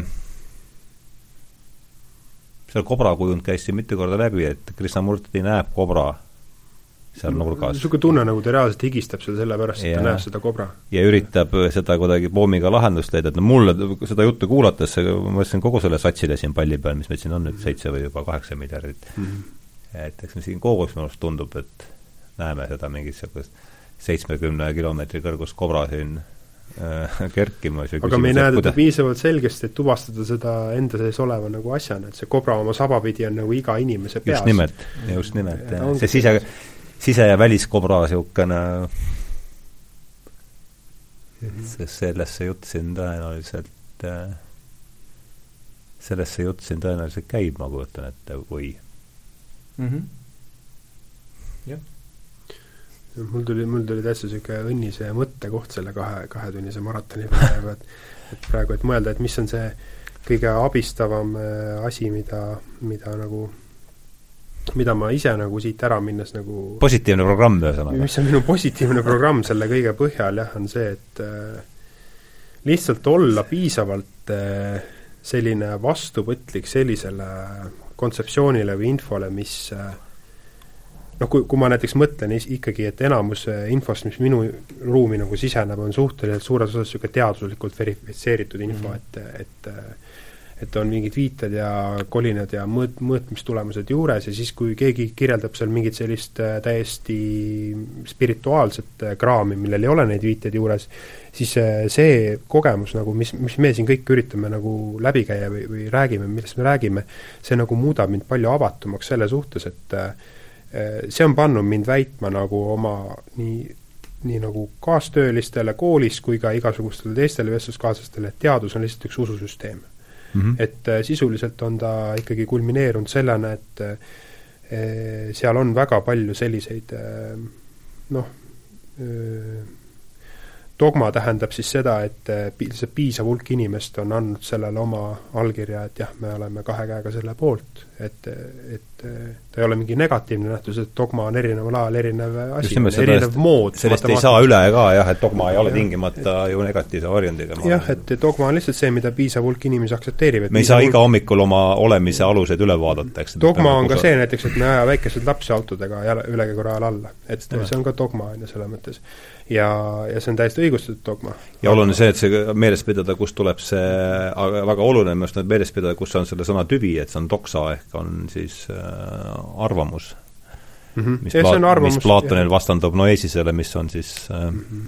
teadmine, kindel teadmine, mida me saame täna haarata ainult või mõistusega. mina tahangi öelda, et, et see, see nagu avabki seda, et äh, see, mida, millest need mehed räägivad, on mingisugune, kas Poom räägib füüsika keeles sellest, on ju, et on varjatud konstant võrrandite taga või mm, -hmm. või varjatud muutuja, mis äh, üritaks põhimõtteliselt teha füüsikutele selgeks, et on midagi, mida te ei suuda mõista, sorry mehed, on ju, et et te võite mõõta ja, ja need vastastikmõjude, kõik neli erinevat vastastikmõju täiesti täielikult võrranditega kirjeldada, aga alati on see võrrandi lisa, see plussmärgiga mingi kon-, asi seal juures, see muutuja, ja see on see varjatud reaalsus, mis meid kõiki mõjutab, aga milleni me saame ainult siis, kui me oleme piisavalt head inimesed nagu või noh, et kuidagi nagu elame selle sees lihtsalt, kogeme seda, on ju, et see ei olegi mingi asi, mida saaks kirjeldada teadus ja, ja kõik need äh, inimesed, keda, kes, kelle nimed on täna läbi käinud, just sisuliselt väidavad seda, et on midagi peale selle materialistliku äh, pildi, noh et mind on see nagu lihtsalt avanud selles mõttes. ja, ja kui rääkida nendest äh, sõnade algtüvedest, siis äh, mis nad nagu mingis jällegi teises vestlusseerias Poom ja Krishnamurti seal arutavad, et Poomi väga huvitas ka keel, lingvistika. Et ta tahtis keeleliselt korrektne olla ja uuris neid sõnatüvesid, etümoloogiat väga põhjalikult järgi ja, ja mis nad nagu mõlemad äh, toovad välja, mul on meelde jäänud see kaose ja kosmose teema, et äh, kosmos ei tähenda midagi muud kui tegelikult äh, korda, korda. ja ja kaos tähendab lihtsalt korra puudumist, et mm -hmm. noh, see on Just. jällegi üks mõiste, mida siin selles, selles keeleruumis saab kasutada. ja no Sheldrake'i nimi käis siin mitu korda läbi ja, ja selleks mm, jätkuks selle sinu mõttele, et ühest küljest äh, ütlesid jah, et teadus on üks uskumuste süsteem või usk, religioon, aga et siis teisest küljest tema rõhutas just seda kahetisest, et on ühest küljest meetod, on parim mm, -hmm. mis meil on. Yeah.. ja aga teisest küljest on ta ka kivinenud ähm, äh, maailmavaateks, et see on just seda kahetist loomust on siin ja siin tuleb see sama asi aduda. välja, tuleb sama asi välja, mis me alustasime ajast, on ju, et on äh, see kronoloogiline või astronoomiline aeg ja on psühholoogiline aeg. psühholoogiline teadus on siis see, mis on äh, see teadus, mis jäädvustub meis meie enesehinnangutes, enesekuvandis, mina olen see teadlane, mina olen selle avastanud, mina olen nagu sellise koolkonna esindaja.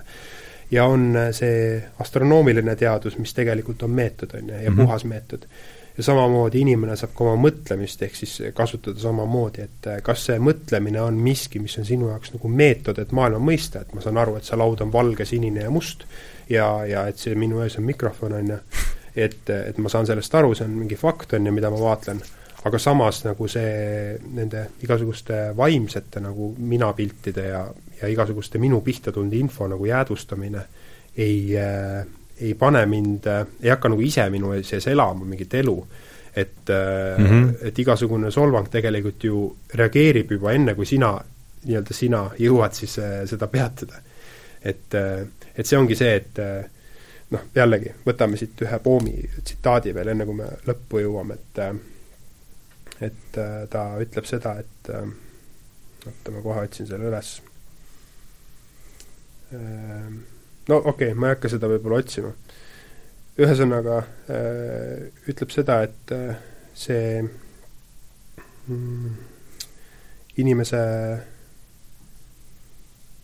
ähm, no mul ilmselt ei tule see nii, nii ilusti praegu pähe, kui ta seda suudab öelda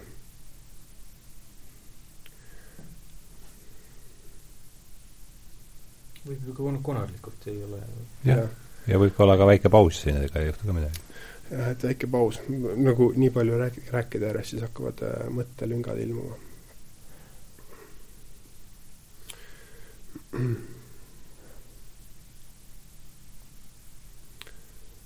et äh, nad ütlevad põhimõtteliselt siis seda, et äh,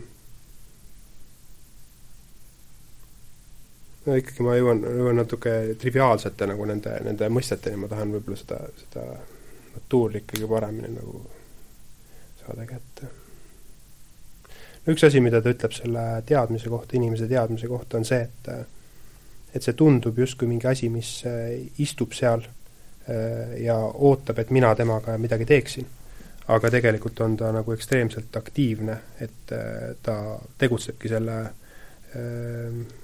minevikus saadud nagu teadmise pealt või selle põhjal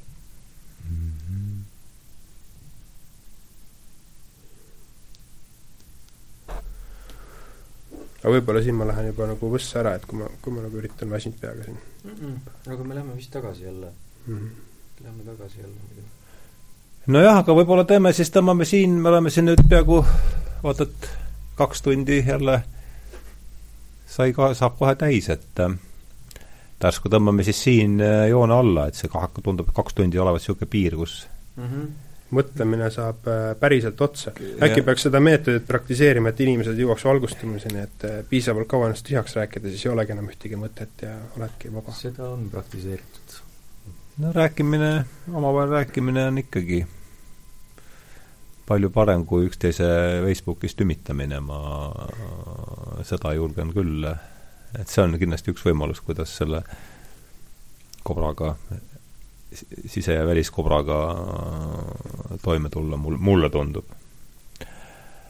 et tõmbame siis joone alla tänasele jutuajamisele, et oli suur rõõm teiega siin kaks tundi tubastes tingimustes aega veeta, et puhas, puhas rõõm, aitäh tulemast, Siim Lill, aitäh tulemast, Joonas Nahkur.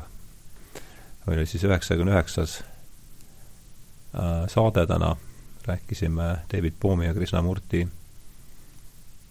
vestlustest mida siis, mis sa ütlesid, sada nelikümmend neli tükki on neid salvestatud umbes? Siim ütles selle arvu välja kuskilt jah, leidis. jah, noh, neid on palju, jah. vestlus on ka kuskil roosiaias kuskil hästi palju. küllap on jah rohkem. Mhm. ja nüüd on siis plaan selles, et järgmisel nädalal on äh, eetris äh, sajas saade, meile siis praegu on plaan salvestada Tallinnas ja otsesaatena ja esialgne plaan on kutsuda siis saatesse Mihhail Lotman ja Mihkel Kunnus ja, ja rääkida nendest Karamazovitest, tundub olevat niisugune sajanda saate jaoks vääriline teema, mitte et see ei oleks olnud, et äh, no seda olete kaua aega tahtnud teha, ma olen kuulnud, et see käib sul tihti läbi viitele, et teeks nendest Karamazovitest. jah, Karamazovid on olnud minu jaoks väga oluline raamat ja ma olen ta valinud järgmise, teen EBS-is seda keva-, oluliste raamatute kursuse sarja ja mm. sel semestril tegime Moby Dicki, mis on olnud väga huvitav avastamisretk ja noh, nüüd tundub, et on natuke ametit õpitud, et võib-olla võib selle suure tüki ette, suure tüki ka ette võtta, et et igatahes on olnud see väga suur, suur huvitav, huvitav avastamis, avastamissõit ja tänane vestlus oli osa sellest, nii et ma tänan teid mm. ja aitäh kutsumast! tänan kõiki, kes kuulasid ja tänan kõiki, kes on selle üldse võimalikuks teinud, sest see on kõike muud kui enesestmõistetav, et me siin saame niimoodi kaks tundi järjest lobiseda mm.. et aitäh ja aitäh, et sündida lasid sellele, jah!